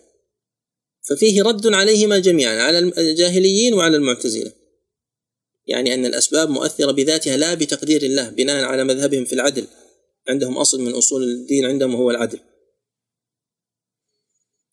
ومن قال بالقول الأول وهو يثبت الأسباب وأنها تؤثر لا يعتبر متأثرا ولا مقلدا ولا متبعا للأشاعرة. والقول الواحد قد يبنى على أصول مختلفة كما في مركب الأصل. وأما القول الثاني فهو نفي الأسباب بعينه فهو قول ضعيف. كالقول الثالث الذي أحناكم إليه. فيقوي القول الأول السلامة من هذا الاعتقاد. طيب مثال أخير نختم به هذا الباب لأهميته أيضا. هذه من مباحث علوم الحديث المهمة. عندنا حديث عن ابن عباس أن النبي صلى الله عليه وسلم قال عندما عاد مريضا لا بأس طهور إن شاء الله. هذا رواه البخاري. لا بأس طهور إن شاء الله. وعندنا حديث عن أبي هريرة أنه صلى الله عليه وسلم قال لا يقولن أحدكم اللهم اغفر لي إن شئت اللهم ارحمني إن شئت. يعزم المسألة فإنه لا مكره له. طيب لا بأس طهور إن شاء الله. لماذا هنا لم يعزم لم يعزم المسألة؟ وحديث أبي هريرة حديث متفق عليه. يعني كلا الحديثين صحيح فكيف نجمع بينهما؟ الجمع من أوجه أولها أن الأول خبر وليس بدعاء. لا بأس طهور إن شاء الله خبر وليس بدعاء. التقدير الحمى طهور لك من سيئاتك. ويبدو أن قول الحافظ بن حجر قوله إن شاء الله يدل على أنه دعاء لا خبر مقلوب. يعني يدل على أنه خبر لا دعاء. وقال هكذا في فتح الباري في المطبوع لكن لعل السياق يقتضي أنه إيش؟ فيه قلب. والله أعلم. الوجه الثاني من أوجه الجمع أنه خاص بهذا الدعاء فقط مثل قول الباقلاني في المسألة السابقة فيبقى الحديث الثاني على عمومه في كل الأدعية ويستثنى آه، الحديث الأول من جملتها لماذا؟ لأن كل شيء حاصل بمشيئة الله عز وجل وهذا هو الجواب الثالث أن هذا من باب التبرك بذكره تعالى وليس استثناء حقيقيا وإنما هو من جنس قوله سبحانه وتعالى خالدين فيها ما دامت السماوات والأرض إلا ما شاء ربك كل شيء بمشيئة ربك وكقوله تعالى لتدخلن المسجد الحرام إن شاء الله آمنين محلقين رؤوسكم ومقصرين. قال القرطبي إنما ذلك على طريق الاستثناء الذي آه، ندب إلى استعماله. يعني ندب الشارع إلى استعماله في كل كلام. والجواب الرابع هو أن الأول في الدعاء على سبيل المخاطبة. كما تقول يسر الله أمرك إن شاء الله. وأما الثاني وهو عدم الاستثناء في الدعاء آه، لله عز وجل. عندما يدعو الإنسان ربه لا يقول اللهم اغفر لي إن شئت اللهم ارحم فلان إن شئت. أما إذا خاطب شخصا بدعاء وهذا يحصل كثيرا في كلام الناس. يقول وفقك الله إن شاء الله ونحو ذلك من الكلمات. فيكون أصلهم هو هذا القول الرابع والخامس في إماد الآن كما المهم أن هذا مما يحتاجه طالب العلم كثيرا وهو من مهمات هذا العلوم فيدخل هذا فيما يسمى بباب مختلف الحديث. قال أو ثبت المتأخر فهو الناسخ والآخر المنسوخ. يعني نبحث عن التاريخ. إذا لم يمكن الجمع تعذر الجمع بين الحديثين. ننظر بعد ذلك في التاريخ. ننظر بعد ذلك في ماذا؟ في التاريخ. فإذا علم المتقدم من المتأخر فإن المتأخر يكون ناسخا للمتقدم. وهذا من الأوجه التي جمع بها بين حديث من مس ذكره فليتوضأ الذي جاء عن جمع من الصحابة من أشهرهم بشرى كما عند أهل السنن وبين حديث إنما هو بضعة منك وهو حديث طلق بن علي كما روى أيضا أهل السنن. فمن أوجه الجمع بينهما أن حديث طلق بن علي متقدم لأنه جاء في أول الإسلام وشارك في بناء مسجد النبي صلى الله عليه وسلم ولم يذكر بعد ذلك هل جاء مرة أخرى أو لا فقالوا هذا محمول على الأول. والحديث الآخر من رواته أبو هريرة وأبو هريرة متأخر الإسلام فيحمل ذلك على أنه ناسخ له. وهناك من جمع بينهما. جمع بينهما بأن إنما هو بضعة منك إذا كان من وراء حائل وما مس ذكره فليتوضأ إذا كان مباشرا. إلى غيره من أوجه الجمع. لكن نريد الآن التمثيل على النسخ. وتلاحظون أن النسخ بالنسبة للحديث ألف فيه العلماء كتبا. فمن أقدم وأشهر من ألف في ذلك آه ابن شاهين. ابن شاهين له مؤلف في ذلك لكن يلاحظ أن ابن شاهين أحيانا يذكر أحاديث ضعيفة يعارض بها أحاديث صحيحة ثم يحكم بالنسخ بناء على ذلك. وشابهه في ذلك أيضا الجعبري في كتابه منسوخ الأخبار. بخلاف الحازمي الحازمي كان يتكلم على الأسانيد ويعيد قبل أن يحكم بالنسخ وكل هؤلاء ثلاثة لهم كتب في في النسخ. أظن كتاب الحازمي هو الاعتبار. ولذلك عندما جاء ابن الجوزي وألف كتاب إخبار أهل الرسوخ بين أن الأحاديث المنسوخة 21 حديث فقط. لخصها وبينها وأن ما عدا ذلك من الأحاديث التي ادعي فيها النسخ هي ما بين حديث ضعيف أو حديث أمكن فيه الجمع. فمن أراد أن يطالع هذه الأحاديث ال 21 يراجع كتاب إخبار أهل الرسوخ وهو له عناية بهذا الباب لأنه فعل مثل ذلك أيضا في القرآن. ألف عدة كتب منها كتاب نواسخ القرآن في الآيات التي ادعي فيها النسخ والصواب أنها ليست بمنسوخة. فنأخذ على ذلك مثالا. وهو قول النبي صلى الله عليه وسلم إني كنت نهيتكم عن زيارة القبور فزوروها. وهذا حديث رواه مسلم. فيه بيان الناسخ والمنسوخ. فالمنسوخ هو النهي عن زيارة القبور والناسخ هو هذا الحديث الذي أمر فيه بذلك. وأيضا في صحيح مسلم حديث آخر آه، في النهي عن الشرب في ظروف معينة كالدباء والحنتم والمقير والنقير والمزفت قال إن الظروف لا تحرم شيئا. اشربوا في كل وعاء ولا تشربوا مسكرا أو كما قال صلى الله عليه وسلم. فدل ذلك على أن النهي الذي جاء في حديث ابن عباس في وفد عبد القيس وما كان في معناه منسوخ. فيشرب الإنسان في أي وعاء ولا يشرب المسكر في أي وعاء كان. هذا فيما يتعلق به النسخ ومبحث النسخ من المباحث المشتركة بين الأصوليين وبين المحدثين والكلام في شروطه وما يعرف به معروف في محله. قال ثم التوقف. وإلا فالترجيح عفوا هنا الثالث هو وإلا فالترجيح. ما معنى الترجيح؟ هو تقديم أحد الدليلين على الآخر لسبب أو لعلة. هذه العلة هي أوجه الترجيح التي هي أكثر من خمسين. أوجه الترجيح كثيرة جدا. ولذلك السيوطي رتبها ترتيبا جيدا ورد هذه الأسباب إلى سبعة أنواع. وإلا فأظن الحازمي في الاعتبار توسع جدا في ذكر أوجه الترجيح. وغيره أيضا من أهل العلم توسعوا في ذكر أوجه الترجيح يعني تقديم أحد الدليلين على الآخر. فإذا أردنا أن ننظر في هذه السبعة لكونها مختصرة باختصار نذكر معها مثال أو مثالين. نذكر معها مثالا أو مثالين حتى يتضح بهما الترجيح ثم نكمل ما بقي من المتن الأول الترجيح بحال الراوي كان يكون أحد الرواة أحفظ وأقوى من الآخر فيرجح بذلك. وهذه من فوائد دراسة أصح الأسانيد. حديث يروى بإسناد فيه رجل آه، صدوق أو فيه رجل مثلا ضعيف الحفظ أو لا نقول ضعيف الحفظ وإنما متوسط الضبط حسن الحديث وعارضه حديث آخر من رواية مالك عن نافع عن ابن عمر أو من رواية الزهري عن عروة عن عائشة أو من رواية الزهري عن سعيد عن أبي هريرة. ونحو ذلك من أحاديث الثقات أو سعيد بن أبي عروبة عن قتادة عن أنس. ونقدم هذه الأحاديث. طبعا سعيد فيه قد يكون أقل من من ذكر قبله فتقدم هذه الأسانيد. أو الكثرة وهذا من أكثر ما يرجح به. رواية الأكثر تقدم على رواية الواحد. الثاني الترجيح بطريق التحمل. طريق التحمل بطريق التحمل مثل أن يكون السماع مقدما على الإجازة أو المناولة والعرض مقدما أيضا على المكاتبة ونحو ذلك.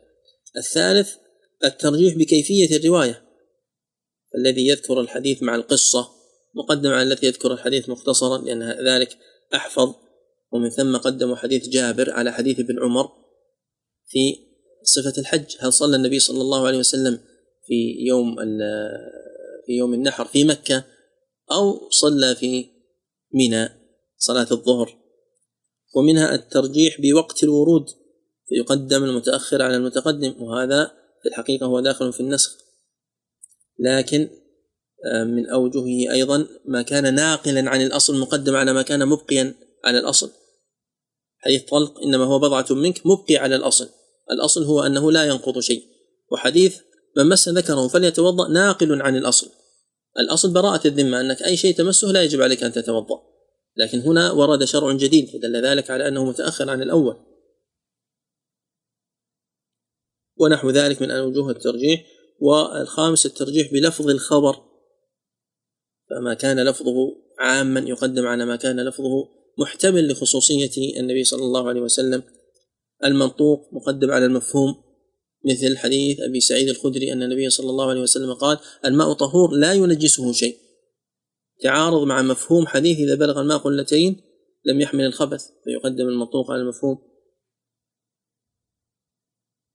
الترجيح بأمر خارجي كأن يوافق هذا الحديث قواعد الشريعة أو أدلة من القرآن هذه من المرجحات أيضا. إن لم نتمكن من الترجيح وهذا يختلف اختلاف المجتهدين والناظرين فإننا نلجأ إلى الحالة الرابعة والأخيرة وهي التوقف. فلا يكون له حكم في هذا الحديث. وهل التوقف قول أو ليس بقول؟ هذا محله في كتب الأصول. هناك قولان ذكرهما. صاحب التحبير وهناك قول ذكره آه، ابن قدامة في المغني في باب طلاق السكرات أن التوقف ليس بقول. قال بعد أن انتهينا مما يتعلق بالتعارض بين الأحاديث لأن الشاذ والمحفوظ تعارض والمعروف والمنكر تعارض ثم المحكم مع ما عارضه أيضا. انتقل بعد ذلك إلى أقسام الحديث الضعيف فقال ثم المردود إما أن يكون لسقط أو طعن. وهذا من أجمل إبداعات المؤلف وهذا المتن كله إبداع فهذا منه. قسم لك الأحاديث الضعيفة تقسيما وترتيبا تشجيريا فقال إن أسباب الضعف ترجع إلى أحد أمرين. المردود ما يقابل المقبول فيشمل كل الأحاديث الضعيفة؟ هذه ترجع إلى أحد أمرين ولذلك الشيخ عبد الكريم الفضير بنى كتابه ورسالته الحديث الضعيف على هذا التقسيم البديع الجميل. فما هما هذان السببان؟ السقط أو الطعن. والسقط مقسوم إلى أربعة أقسام أو مقسوم على أربعة أقسام في الجملة. والطعن يرجع إلى عشرة أسباب وهذه العشرة أسباب مقسومة مقسومة إلى قسمين. مقسومة إلى قسمين لكن قبل أن نتجاوز ما سبق لابد أن ننبه إلى أمر وهو أن النسخ لا يصلح التمثيل له بحديث ذكره المصنف في شرحه. وهو حديث جابر أنه كان آخر الأمرين من رسول الله صلى الله عليه وسلم ترك الوضوء مما مست النار. هذا مخالف لحديث جاء عن جمع كبير من الصحابة توضأوا مما مست النار. في الصحيحين وفي غيرهما مع مخالفة أيضا لحديث عمرو بن أمية الضمري أنه أكل من كتف فقام ولم يتوضأ فصلى ولم يتوضأ. فقالوا بأن بما أن هناك تعارض فنعمل بالنسخ لأن حديث جابر دل على آخر الأمرين. نقول أن هذا الحديث خطأ. أخطأ فيه شعيب بن أبي حمزة فرواه بهذا اللفظ. وهذا الحديث رواه أبو داود. وقد بين أبو داود ما هو اللفظ الصحيح. أن النبي صلى الله عليه وسلم توضأ لصلاة الظهر بعد أن أكل من لحم أضافه عليه امرأة أو رجل من الأنصار على خلاف بين الروايات. ثم رجع بعد صلاة الظهر وأكل ما بقي من اللحم فلما حضر صلاة العصر قام فصلى ولم يتوضأ. هذا اللفظ لما اختصره شعيب بن أبي حمزة باللفظ الآخر أوهم أنه ناسخ ومنسوخ والواقع أن الحديث ليس فيه نسخ ومنسوخ وإنما أول الأمرين صلاة الظهر وآخر الأمرين صلاة العصر في يوم واحد. فلا يصلح هذا مثالا للناسخ والمنسوخ. وإنما هو لفظ معلول أخطأ فيه شعيب بن أبي حمزة. طيب. لا أكون نسيت شيء مهم لكن يستدرك بالأسئلة. إن حصل نسيان يستدرك بالأسئلة إن شاء الله. كم الوقت الآن؟ طيب. الوقت يداهمنا ولا بد أن نختصر فيما بقي. السقط إما أن يكون من مبادئ السقط يعني عدم الاتصال في الإسناد لأن عرفنا أن من شروط الحديث الصحيح أن يكون متصل السند. طيب يقول فالسقط إما أن يكون من مبادئ السند من مصنف أو من آخره بعد التابعي أو غير ذلك. هذه ثلاثة احتمالات. أن يكون السقط من مبادئ السند من مصنف من المصنفين الذين آه، صنفوا الكتب المسندة كالبخاري ومسلم وابن حبان وابن خزيمة وابن أبي شيبة وعبد بن حميد وأبو يعلى وأنت ماشي. فأحد هؤلاء المصنفين اختصر الحديث فلم يذكر أول الإسناد وإنما بدأ السند من وسطه فهذا يسمى المعلق. قال فالأول المعلق. والمعلق له صور كثيرة إما أن يحذف شيخه فقط ويذكر شيخ شيخه فصاعدا إلى آخر السند. وإما أن يحذف رجلين شيخه وشيخ شيخه. وإما أن يحذف ثلاثة أو أربعة إلى آخره. وإما أن يحذف السند كله فيذكر منتهى السند. فيقول قال علي كذا أو قال أبو هريرة كذا. كما في معلقات البخاري. في كتاب الجنائز بعد أن ذكر أثرا عن ابن عباس قال وقال الإسلام يعلو ولا يعلى عليه. إذا هذا مثال على المعلق. فمن الذي قال الإسلام يعلو ولا يعلى عليه؟ هل هو ابن عباس أو هو من قول النبي صلى الله عليه وسلم؟ تردد فيه ابن حجر. قال كنت أظن أن هذا من كلام ابن عباس. ثم بعد البحث وجده مرفوعا وخرج المرفوع وهو ضعيف مرفوعا جاء من ثلاثة طرق من حديث معاذ بن جبل وعمر بن الخطاب وعائذ بن عمرو المزني وكلها ضعيفة. تفصيلها في محلها. قال ثم وجدت بعد ذلك هذا من قول ابن عباس. رواه ابن حزم في المحلى الظن الأول وجد ما يؤيده. فهو صحيح من حديث ابن عباس ضعيف من آه، من الأحاديث المرفوعة. ضعيف مرفوعة إذا هذا هو المعلق. والتعليق في أحكام كثيرة لكن يلاحظ أن آه، صاحب الصحيح وهو البخاري أكثر من التعليقات فصار له حكم خاص. التعليقات التي في الكتب الأخرى لا يعمم عليها الحكم الذي يذكر في معلقات البخاري. فالبخاري إذا جزم بالحديث المعلق الذي لم يذكر سنده معناه أن السند سليم إلى من جزم به. ثم بعد ذلك ينظر في من أظهره. قد يكون أظهر شخص في سنده ضعف. لكن إذا رواه بصيغة التمريض فقال يروى مثل ويروى عن أبي هريرة أنه ويروى عن أبي هريرة رفعه أنه لا يصلي الإمام في مكانه. يعني لا يتنفل الإمام في مكانه ولا يصح. فبين البخاري أن هذا لا يصح. وأحيانا يقول ويروى كذا فيذكر حديثا معلقا. فإذا قال يروى فالإسناد قد يكون صحيحا وقد يكون حسنا وقد يكون ضعيفا إلى من أظهره. لا يلزم أن يكون صحيحا كما في القسم الأول الذي هو المجزوم به. هذا الحكم خاص بالبخاري لأن المعلقات في البخاري كثيرة جدا. ثم هو خاص بما لم يرد متصلا في صحيح البخاري. قد يرد في مكان معلقا ويصل في مكان آخر. هذا يخرج من حكم المعلقات. طيب لماذا لم نقل مسلم كذلك مع أن كلاهما اشترط مع أن كل منهما قد اشترط الصحة الجواب لأن المعلقات في مسلم قليلة جدا. أربعة عشر معلق ثلاثة عشر منها موصول في مسلم الرابع عشر موصول في البخاري. هذا في المعلقات المرفوعة وإلا قد يعلق هو أشياء آه، يعني من باب الفوائد في أثناء الكلام. هذه غير داخلة في محل البحث. انتهينا من المعلق باختصار. قال والثاني المرسل ما هو الثاني؟ قال أو من آخره. إذا الحديث المرسل هو ما أضافه التابعي إلى النبي صلى الله عليه وسلم. كأن يكون الحديث يعني ينتهي إلى عمرو بن شعيب عن رسول الله صلى الله عليه وسلم. لماذا نقول عن هذا مرسل؟ لأن عمرو بن شعيب تابعي. كثير من التابعين يظن أنهم من أتباع التابعين بسبب أن روايتهم غالبا عن التابعين. مثلا أبو الزناد كثير من الناس يظن أن أبو الزناد عبد الله بن ذكوان من أتباع التابعين لأن أغلب الأسانيد أبو الزناد عن الأعرج عن أبي هريرة فالتابعي الأعرج. نقول لا أبو الزناد أيضا تابعي أبو الزناد أيضا تابعي فعندما تجد في إسناد الزهري عن سعيد بن المسيب عن أبي هريرة الزهري أيضا تابعي مشهور لأنه يروي عن أنس. فكل ما أسنده التابعي إلى النبي صلى الله عليه وسلم فهو مرسل. من أمثلة ذلك مثلا؟ حديث عمرو بن مرة عن أبي عبيدة وهو بن عبد الله بن مسعود. عن ابن مسعود أن النبي صلى الله عليه وسلم قال إن الله وتر يحب الوتر فأوتر أهل القرآن. هذا قال الدار قطني المحفوظ المرسل. المحفوظ المرسل يعني من غير ذكر عبد الله ابن مسعود. فعندما قال المحفوظ تعلم أن في الإسناد اختلافا وأن هناك من وصله كما قلنا قبل قليل. الخلاصة في المرسل أنه من أقسام المردود كما بين المؤلف هنا. لأن هناك أقوال أخرى في هذه المسألة قول معروف للشافعي وهو أنه من أقسام المردود إلا إذا وجدت شروط فيكون مقبولا وهناك قول آخر أيضا منسوب إلى جمع كبير وهو أن المرسل صحيح ولكن القول المعتمد هو ما ذكره هنا. ماذا قال العراقي في الأبيات المشهورة الجميلة في هذا؟ من يحفظ؟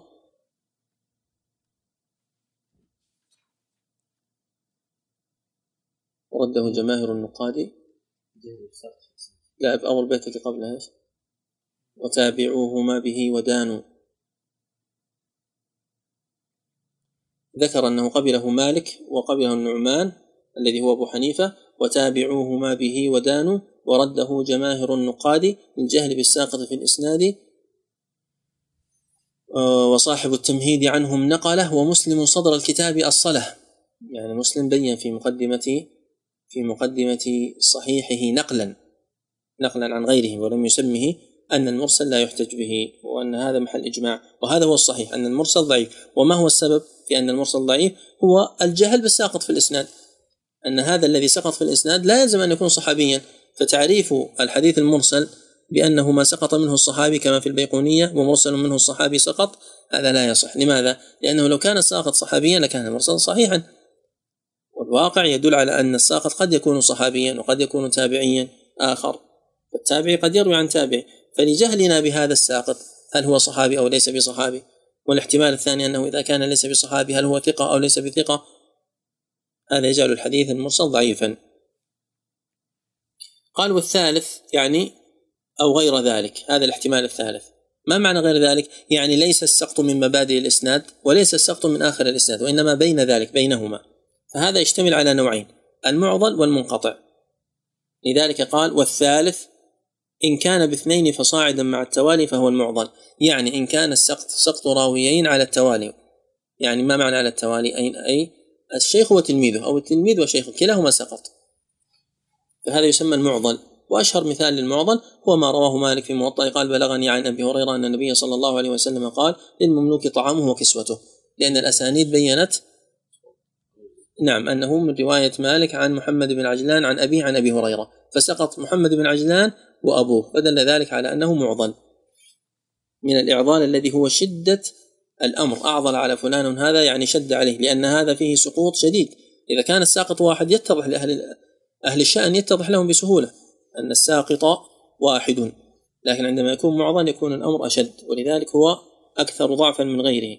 وإلا فالمنقطع. يعني ما معنى وإلا؟ يعني إن لم يكن السقط من مبادئ السند ولا من آخره ولا على التوالي فهو المنقطع. فيعلم بهذا أن المنقطع له صور منها أن يسقط اثنان في أثناء السند على الانفصال وليس على التوالي. أن يسقط واحد في أثناء السند وأن يسقط ثلاثة ونحو ذلك وهذا نادر ولكن عندما تكون اسانيد متأخرين يتصور في مثل هذا.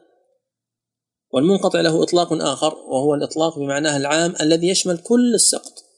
كل حالات السقط تدخل في الانقطاع بالمعنى العام. فالمعلق منقطع والمرسل منقطع والمعضل منقطع وباقي الصور التي هي من المنقطع الخاص منقطع بلا شك. وقد يكون واضحا أو خفيا.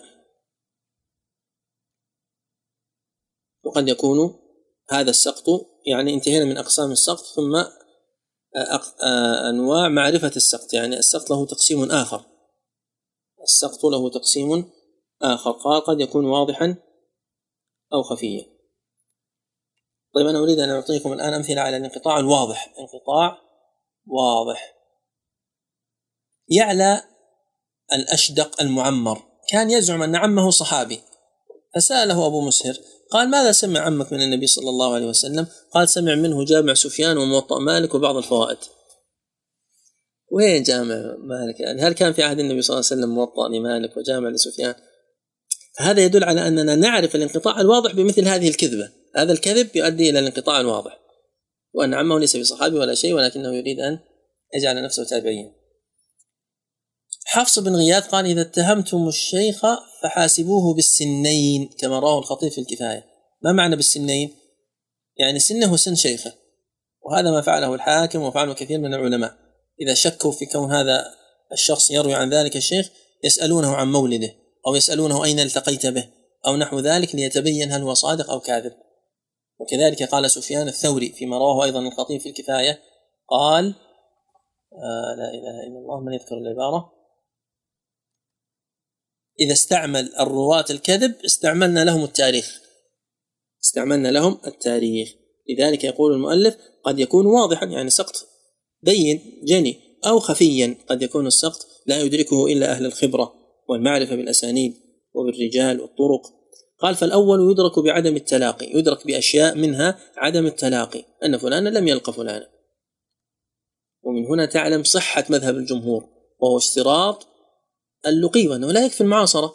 ما حاجتنا إلى أن نعرف التلاقي ما دام العصر واحد. إذا كان الراجح هو قول مسلم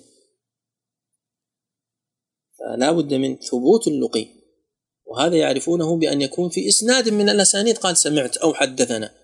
حينئذ بما أنه سمع إذا روى في مكان آخر بالعنعنة وليس بمدلس يحمل على الاتصال لأنه قد لقيه وسمع منه. قال ومن ثم احتيج إلى التأريخ وهو من مباحث علوم الحديث التي تذكر في آخره معرفة المواليد والوفيات. قال والثاني الذي هو الخفي الانقطاع الخفي قال المدلس. والدلسة بمعنى الظلمة. ويرد بصيغة تحتمل اللقي. كعن وقال. إذا ما هو تعريف الحديث المدلس؟ هو أن يروي التلميذ عن شيخه الذي لقيه ما لم يسمعه منه. هو لقي هذا الشيخ وصحبه لكن فاتته بعض الأحاديث. سمعها بواسطة أو قرأها في كتاب ثم رواها عن ذلك الشيخ رواية توهم من يسمع منه أنه سمع هذا الحديث أيضا والواقع أنه لم يسمع. لكن لو قال سمعت وحدثني لاعتبر كاذبا. فهو حتى لا يكذب يقول عن. قال أن شيخنا قال ونحو ذلك يحذف صيغة التحمل كل هذا من أنواع التدليس الذي هو تدليس الإسناد. أشهر أقسام التدليس هو تدليس الإسناد وهو المقصود عند الإطلاق. ومن أشهر أقسامه أيضا تدليس الشيوخ أن يسمي الشيخ بغير اسمه المشهور. آه، لأبي القاسم زاهر بن طاهر الشحامي المستملي جزء تحفة عيد الأضحى. ذكر فيه أحاديث ثم جاء ابن عساكر أبو القاسم فروى جزءا في يوم عرفة. كثير من الأحاديث هي من طريق الأول. كثير من الأحاديث والآثار هي من طريق الأول. فيقول في مرة من المرات حدثنا أبو القاسم زاهر بن طاهر ثم تقرأ بعد قليل حدثنا أبو القاسم المستملي ثم تقرأ بعد قليل حدثنا أبو قاسم الشحامي. هو راوي واحد هو أبو القاسم زاهر بن طاهر الشحامي المستملي. إذا هذا يسمى تدليس الشيوخ. لكنه لا يكون مذموما عندما يكون ظاهرا. يعني هذا ظاهر بالنسبة لأهل الحديث فهو أراد التنويع ولم يريد التدليس وهذا يفعله أيضا الخطيب البغدادي وغيره. فتدليس الشيوخ فيه تفصيل ذكر في محله حكمه فيه تفصيل بحسب المقصد منه. وأما تدليس الإسناد فهو لا شك أنه مضاعف للحديث وفيه تفصيل أقوله لكم باختصار ليضيق الوقت وهو أن المدلس أن الحديث إذا كان أن الحديث المدلس إذا كان راويه ضعيفا فهو مردود مطلقا. لماذا؟ لأنه بالتدليس يزداد ضعفا كأحاديث حجاج بن أرطاه. ضعيف ومدلس. فإذا كان المدلس ثقة فإن كان مكثرا من التدليس اشترطنا التصريح بالسماع والتحديث. وإن كان مقلا من التدليس وروى عن الشيخ الذي هو مكثر من الرواية عنه الأصل قبول حديثه حتى يتبين أنه دلس. يعني الحديث الذي دلسه بالفعل هو الذي يرد. ولا نشترط في مثل هذا التصريح بالسماع. وهذا مؤثر جدا لماذا؟ لكثرة فروعه وآحاده. الذين اشترطوا السماع مطلقا في كل من وصف بالتدليس ردوا أحاديث بناء على ذلك. بينما المتقدمين كانوا يشترطون أن يدلس بالفعل وليس أن يروي بالعنعنة. فلا يردون حديث المدلس لأنه عنعن وإنما لأنه دلس. بخلاف من كان مكثرا من التدليس فهذا الذي يشترط في حقه أن يصرح. كل هذا في تدليس الإسناد. وهناك من يصرح ومع ذلك يرد حديثه لأنه يدلس تدليس تسوية وهذا محله يعني تدليس التسوية هو أن يسوي ويحذف الضعفاء والأدنياء ويسوي الإسناد ويخفي مثل ما كان يفعل بقية مع الأوزاعي. يكفينا الآن أن نفهم تدليس الإسناد وتدليس الشيوخ. قال وكذا المرسل الخفي من معاصر لم يلقى. إذا الفرق بين المرسل الخفي وبين المدلس هو أن المرسل الخفي لا يوجد فيه لقي بين الشيخ والتلميذ وإنما توجد معاصرة فيسمى مرسلا خفيا. يقابله المرسل الجلي الذي يعرف فيه عدم الاتصال لأنه لم يعاصره. فما الفرق بين المدلس وبين المرسل الخفي؟ أن المدلس فيه أحسنت. لقي لكن لم يسمع هذا الحديث بعينه. المرسل الخفي لم يلقى وإنما عاصر. المرسل الظاهر لم يلقى ولم يعاصر. الحالة الأولى أن يثبت سماع التلميذ من الشيخ. فإذا روى عنه ما لم يسمعه مع ثبوت سماعه منه يعني لقيه له فهذا الحديث الذي لم يسمعه مدلس فهذا يسمى تدليسا. الثاني أن تثبت المعاصرة دون اللقي فهو مرسل خفي في غير التابعي أما في التابعي المخضرم فإن هذا يسمى مرسلا. التابعي المخضرم هو التابعي الذي أدرك أحد النبي صلى الله عليه وسلم كأبي عثمان النهدي عبد الرحمن بن من فإذا روى عن النبي صلى الله عليه وسلم حديثا فهذا يسمى مرسل مع أن صورة صورة مرسل خفي. لو كان هذا غير التابعي لقلنا فيه مرسل خفي. عاصر الشيخ لكنه لم يلقه فروى عنه بعن ونحو ذلك. الحالة الثالثة أن تثبت المعاصرة دون اللقي هذا ما ذكرناه سابقا. فهذا في في حق ماذا؟ في حق التابعي قلنا مرسل وفي حق غير التابعي مرسل خفي. طيب الحالة الثالثة أن لا تثبت المعاصرة أصلا لا معاصرة ولا لقي من باب أولى.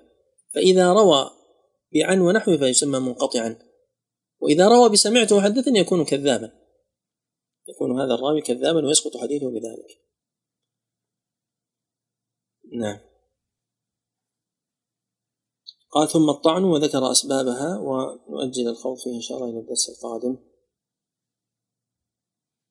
نكتفي بهذا وبإذن الله آه، بالسير هذا نستطيع أن نختم في الموعد. هذا هو المجلس الثالث وصلى الله وسلم على نبينا محمد وعلى آله وصحبه أجمعين. أنا أعطيكم الآن سؤالان. بالنسبة لدرس اليوم أعطيكم سؤالان. السؤال الأول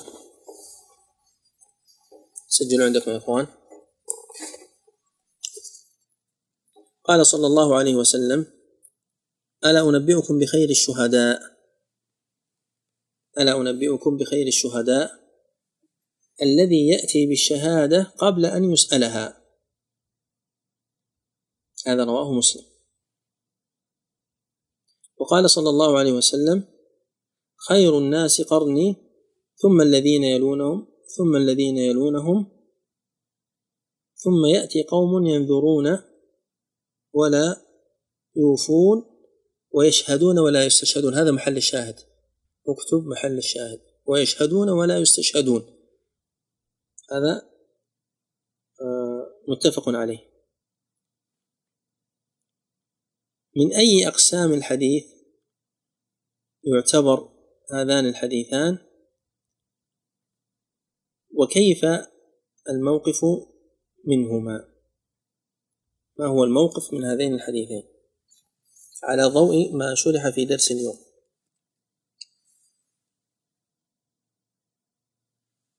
سؤال ثاني.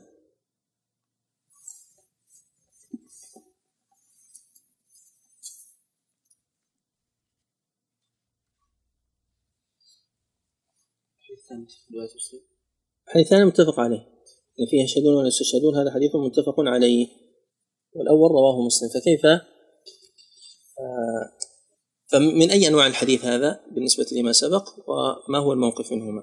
السؤال الثاني أتمنى أن تكتبوا رقم الحديث حتى يعني تختصروا إملاءه. حديث في مسند الإمام أحمد برقم ثلاثة آلاف وستين. من اليسار ثلاثة صفر ستة صفر ثلاثين ستين. هذا الحديث من طريق حاتم بن أبي صغيرة وهو أبو يونس. عن عمرو بن دينار أن كريبا أخبره أن ابن عباس قال أتيت رسول الله صلى الله عليه وسلم من آخر الليل فصليت خلفه فأخذ بيدي فجر فجرني فجعلني حذاءه. فلما أقبل رسول الله صلى الله عليه وسلم على صلاته خنست. فلما قضى صلاته انصرف إلي فقال ما شأني أجعلك حذائي فتخنس؟ فقلت يا رسول الله أو ينبغي لأحد أن يصلي حذاءك وأنت رسول الله صلى الله عليه وسلم الذي أعطاك الله؟ قال فأعجبته فدعا الله لي أن يزيدني علما وفهما. هذا الحديث يدخل في أي أنواع علوم الحديث مما شرح في درس اليوم. مع التوضيح حديث ابن عباس الذي في مسند الإمام أحمد تقرأه وتتأمل فيه وتقول أن هذا مثال على كذا. لا نقيده بدرس اليوم لأنه قد يكون له ارتباط بالدرس السابق. فعلى ضوء ما درست عموما بين آه، نوع هذا الحديث بالنسبة لعلوم الحديث. فسؤال اليوم عكس أسئلة الأمس. أسئلة الأمس نطلب منكم التمثيل وهنا نعطيكم المثال. فتبينون أنتم نوع الحديث. من كان عنده جواب عن سؤال الأمس فليتفضل به وصلتني بعض الأجوبة الصحيحة على الخاص. وأصحابه يعرفون وسمعنا أجوبة أبو عبد الله وأيضا كانت إجابة صحيحة. فمن كان عنده بعض المشاركات أو الأجوبة فليتفضل. شيخنا؟ نعم تفضل. آه، زيادة ثقة مقبولة في حديث بسم الله أرقيك. آه، روته مجموعة بسند منقطع وفي أخرى مجموعة روته أيضا موصولا زيادة أحد الرواة قبل عائشة. الراوي الرواية الراجحة لأن الراويين اللذان زاد الراوي عن عائشة أثبت ممن رواه منقطعا طيب هذا ببحثك أنت أو نقلته. كيف عرفت أن هذا هو الراجح وأن هناك زيادة وأن نقل هناك... نقل. ها؟ نقل. يعني نقل عن من؟ والله هذا نسيت المصدر. ما وضعت طيب أنا ما أستطيع أن أحكم الآن بالصحة من عدمها لكن إن شاء الله أن هذا كافي في التمرين. جزاك الله خير أحسنت. أحسنت. شيخنا مثال على الفرد النسبي. نعم. حديث المغفر لم يروه عن زهري إلا مع الثقات ورواه عن الزهري غيره من غير الثقات. طيب أين التفرد؟ التفرد؟ نسبي شيخ من الثقات تفرد ثقة. طيب ما هو الحديث؟ حديث المغفر. دخل النبي صلى الله عليه وسلم مكة يوم الفتح وعلى رأسه المغفر أحسنت بارك الله فيك. نعم. تفضل. الحديث آه، اللي هو زيادة القتل في الإسناد نعم. آه، زيادة آه، في حديث لا تجلس على القبور ولا تصلي عليه في الإسناد هذا حديث مرثد اليزني. نعم. في صحيح مسلم. آه، في سند من الأسانيد زاد أبو مرتد عن واثلة بن أسقع عن أبو إدريس الخولاني. زاد أبو إدريس الخولاني. عن يوسف بن عبد الله عن عبد الرحمن بن يزيد بن جابر وسفيان. هذا أيضا زيادة نعم. عن ابن مبارك آه، ابن آه، طبعا العكس اقرأه على الوجه الصحيح.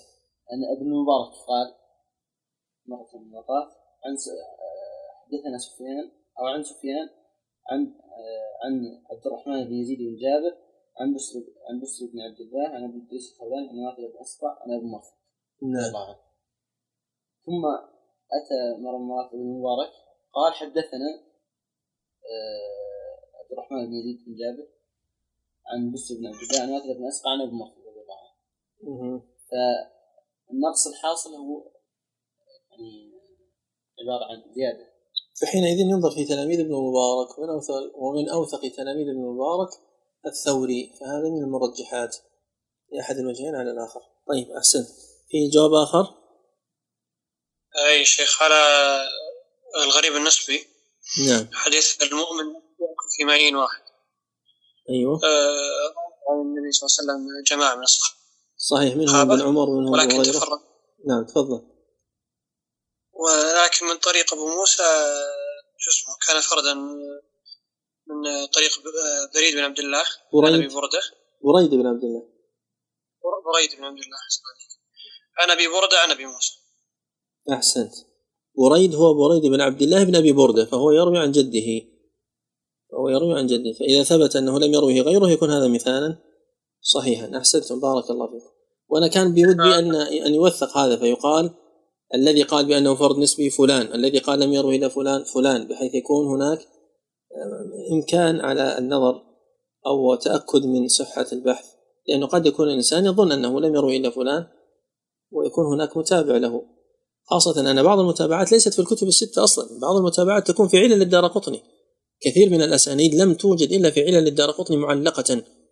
يبين الدار قطني أن رواه فلان عن فلان وخالفه فلان. ورواه فلان واختلف عليه فرواه عن فلان كذا وفلان كذا وفلان وفلان وفلان كذا. آه، بعض الطرق الغامضة توجد في بعض الكتب النادرة. آه، من الصعب الحكم بالتفرد مطلقا. ولو كان عندنا سعة من الوقت لأخذنا هذه الأحاديث التي أتيتم بها وبحثنا وحكمنا بدقة لكن يكفي التدرب ومراجعة الكتب ويكون إن شاء الله يعني سببا للاستفادة. من كان لديه سؤال فليتفضل.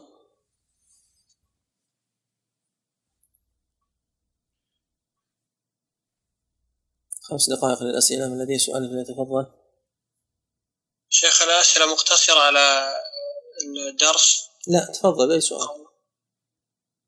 طيب شيخ سؤال خارج علوم الحديث نعم. أحيانا يذكر بعض المصنفين آه، آه، شو اسمه الخلاف آه، شو اسمه ينفي الخلاف مع كون أصغر طالب علم يعرف بالخلاف.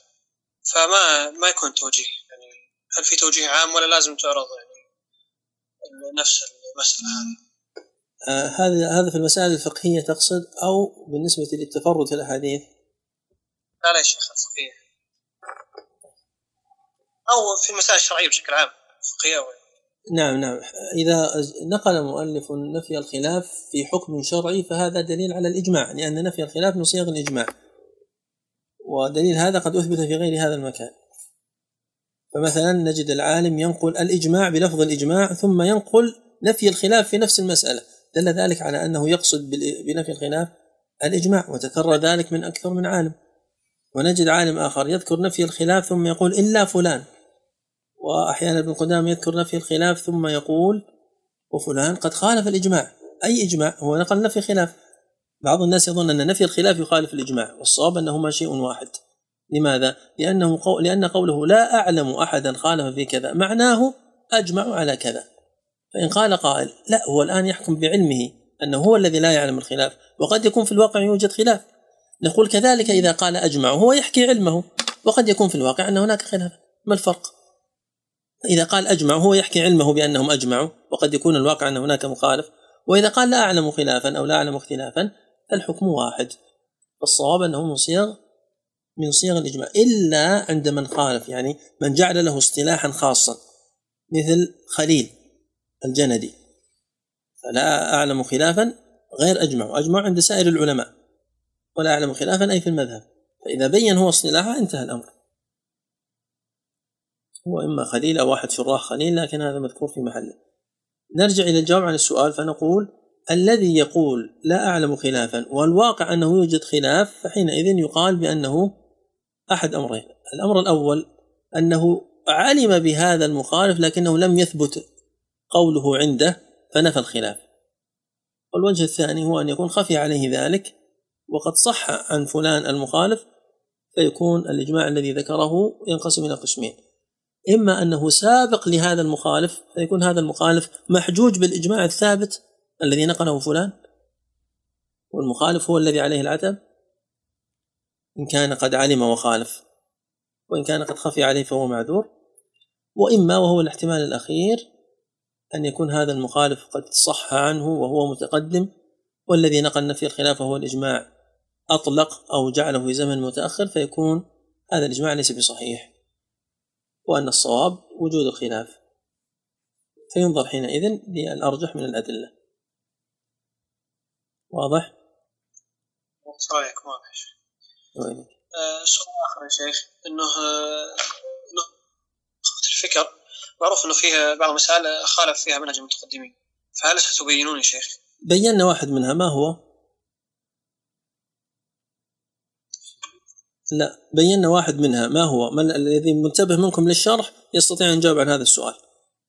في هذه الدروس الثلاثة السابقة مر معنا مسألة مخالفة لمنهج المتقدمين وبينا المخالفة أحسنت. لا لا ذكر زيادة الثقات. عندما قال أنها مقبولة قلنا أن المؤلف في كتابه نزهة النظر ذكر المذهب الصحيح الذي هو مذهب المتقدمين وعزاه لهم أن زيادة الثقات ليست مقبولة مطلقا وإنما هي على حسب القرائن. قد تكون مقبولة وقد تكون مردودة وصنيعهم في ذلك واضح فلا عتب عليه فيما قاله في نخبة الفكر لأنه قال الصواب في نزهة النظر. قد يقول قائل لماذا لم يذكر الصواب في النخبة مباشرة؟ نقول هو ذكر القول الأشهر سيرا على ابن الصلاح لكنه بين القول الصحيح في محله. فعلى الإنسان الذي قرأ المختصر أن يرجع للشرح. نعم. لكن يا شيخ أنتم نفيتم آه أنه يقبل آه زيادة الثقة مطلقا. وفي نزهة النظر قرر ذلك شيخ ثم آه، هو خالف في إذا كان آه، آه، لحظة يا شيخ. قال في نزهة النظر وزيادة راويهما أي الحسن والصحيح مقبولة ما لم تقع منافية لمن؟ أي لرواية من؟ هو أوثق ممن لم يذكر تلك الزيادة لأن الزيادة إما أن تكون لا تنافي بينها وبين رواية من لم يذكرها فهذه تقبل مطلقا لأنها في حكم الحديث المستقل هذا واضح. ولا يقال في هذا لا متقدم ولا متأخر. وإما أن تكون منافية بحيث يلزم من قبولها رد الرواية الأخرى. فهذه هي التي يقع الترجيح بينها وبين معارضها فيقبل الراجح ويرد المرجوح. واشتهر عن جمع من العلماء القول بقبول الزيادة مطلقا من غير تفصيل ولا يتأتى ذلك على طريق المحدثين الذين يشترطون في الحديث الصحيح أن لا يكون شاذا. هذا رد رد لقول من يقول يقبل مطلقا. رد واضح. لا يتأتى هذا على طريق من يشترط الصحة في الحديث الشاذ وهو قد اشترط ذلك في الحديث الشاذ. بل قال والعجب ممن غفل عن ذلك منهم مع اعترافه باشتراط انتفاء الشذوذ في حد الحديث الصحيح وكذلك الحسن. والمنقول عن أئمة الحديث المتقدمين كعبد الرحمن بن مهدي ويحيى القطان وأحمد بن حنبل ويحيى بن معين وعلي بن المديني والبخاري وأبي زرعة وأبي حاتم والنسائي والدار قطني وغير وغيرهم اعتبار الترجيح فيما يتعلق بالزيادة وغيرها. ولا يعرف عن أحد منهم إطلاق قبول الزيادة. في أوضح من هذا؟ وأعجب من ذلك إطلاق كثير من الشافعية القول بقبول الزيادة أنه نص الشافعي. في أوضح من هذا؟ لا يا شيخ بس في البداية يا شيخ قال هذه تقبل مطلقة هذا حتى عند المتقدمين يا شيخ. لا طبعا لكنه رد هذا القول. قرأنا كلامه بنصه. بسم الله. صلى الله بسم شيخ حديث آه، يصير وهذا الذي ذكره ابن حجر في النزهة قد ذكره الزركشي أيضا وذكره ابن القيم وذكره جمع من أهل العلم يعني في نسبة للمتقدمين وبيناه في الدروس الموسعة المفصلة. والخطيب البغدادي نفسه له قولان في هذه المسألة. المشهور عند الناس هو القول الذي في الكفاية. وله قول يوافق فيه الجمهور نقله عنه ابن رجب في كتاب فتح الباري. وأن له كتاب اسمه المزيد في متصل الأسانيد وافق فيه الجمهور وقد ذكرنا نصه في درس آه، شرح ألفية العراقي. نعم. إذا شيخ دورة في إناء أحدكم يصير طبعا ولهن بالتراب آه، زيادة لأنه وردت آه، هل هي تعتبر فيها منافاة. هذه ما وردت في الصحيح. هذا من ألفاظ مسلم. وليس فيها منافاة لأنه تحديد الغسل التي تكون بالتراب. الأحاديث الأخرى ليس فيها تحديد وهذه الرواية فيها تحديد. فلا منافاة بينها وبين الروايات الأخرى. طيب في أحد عنده سؤال؟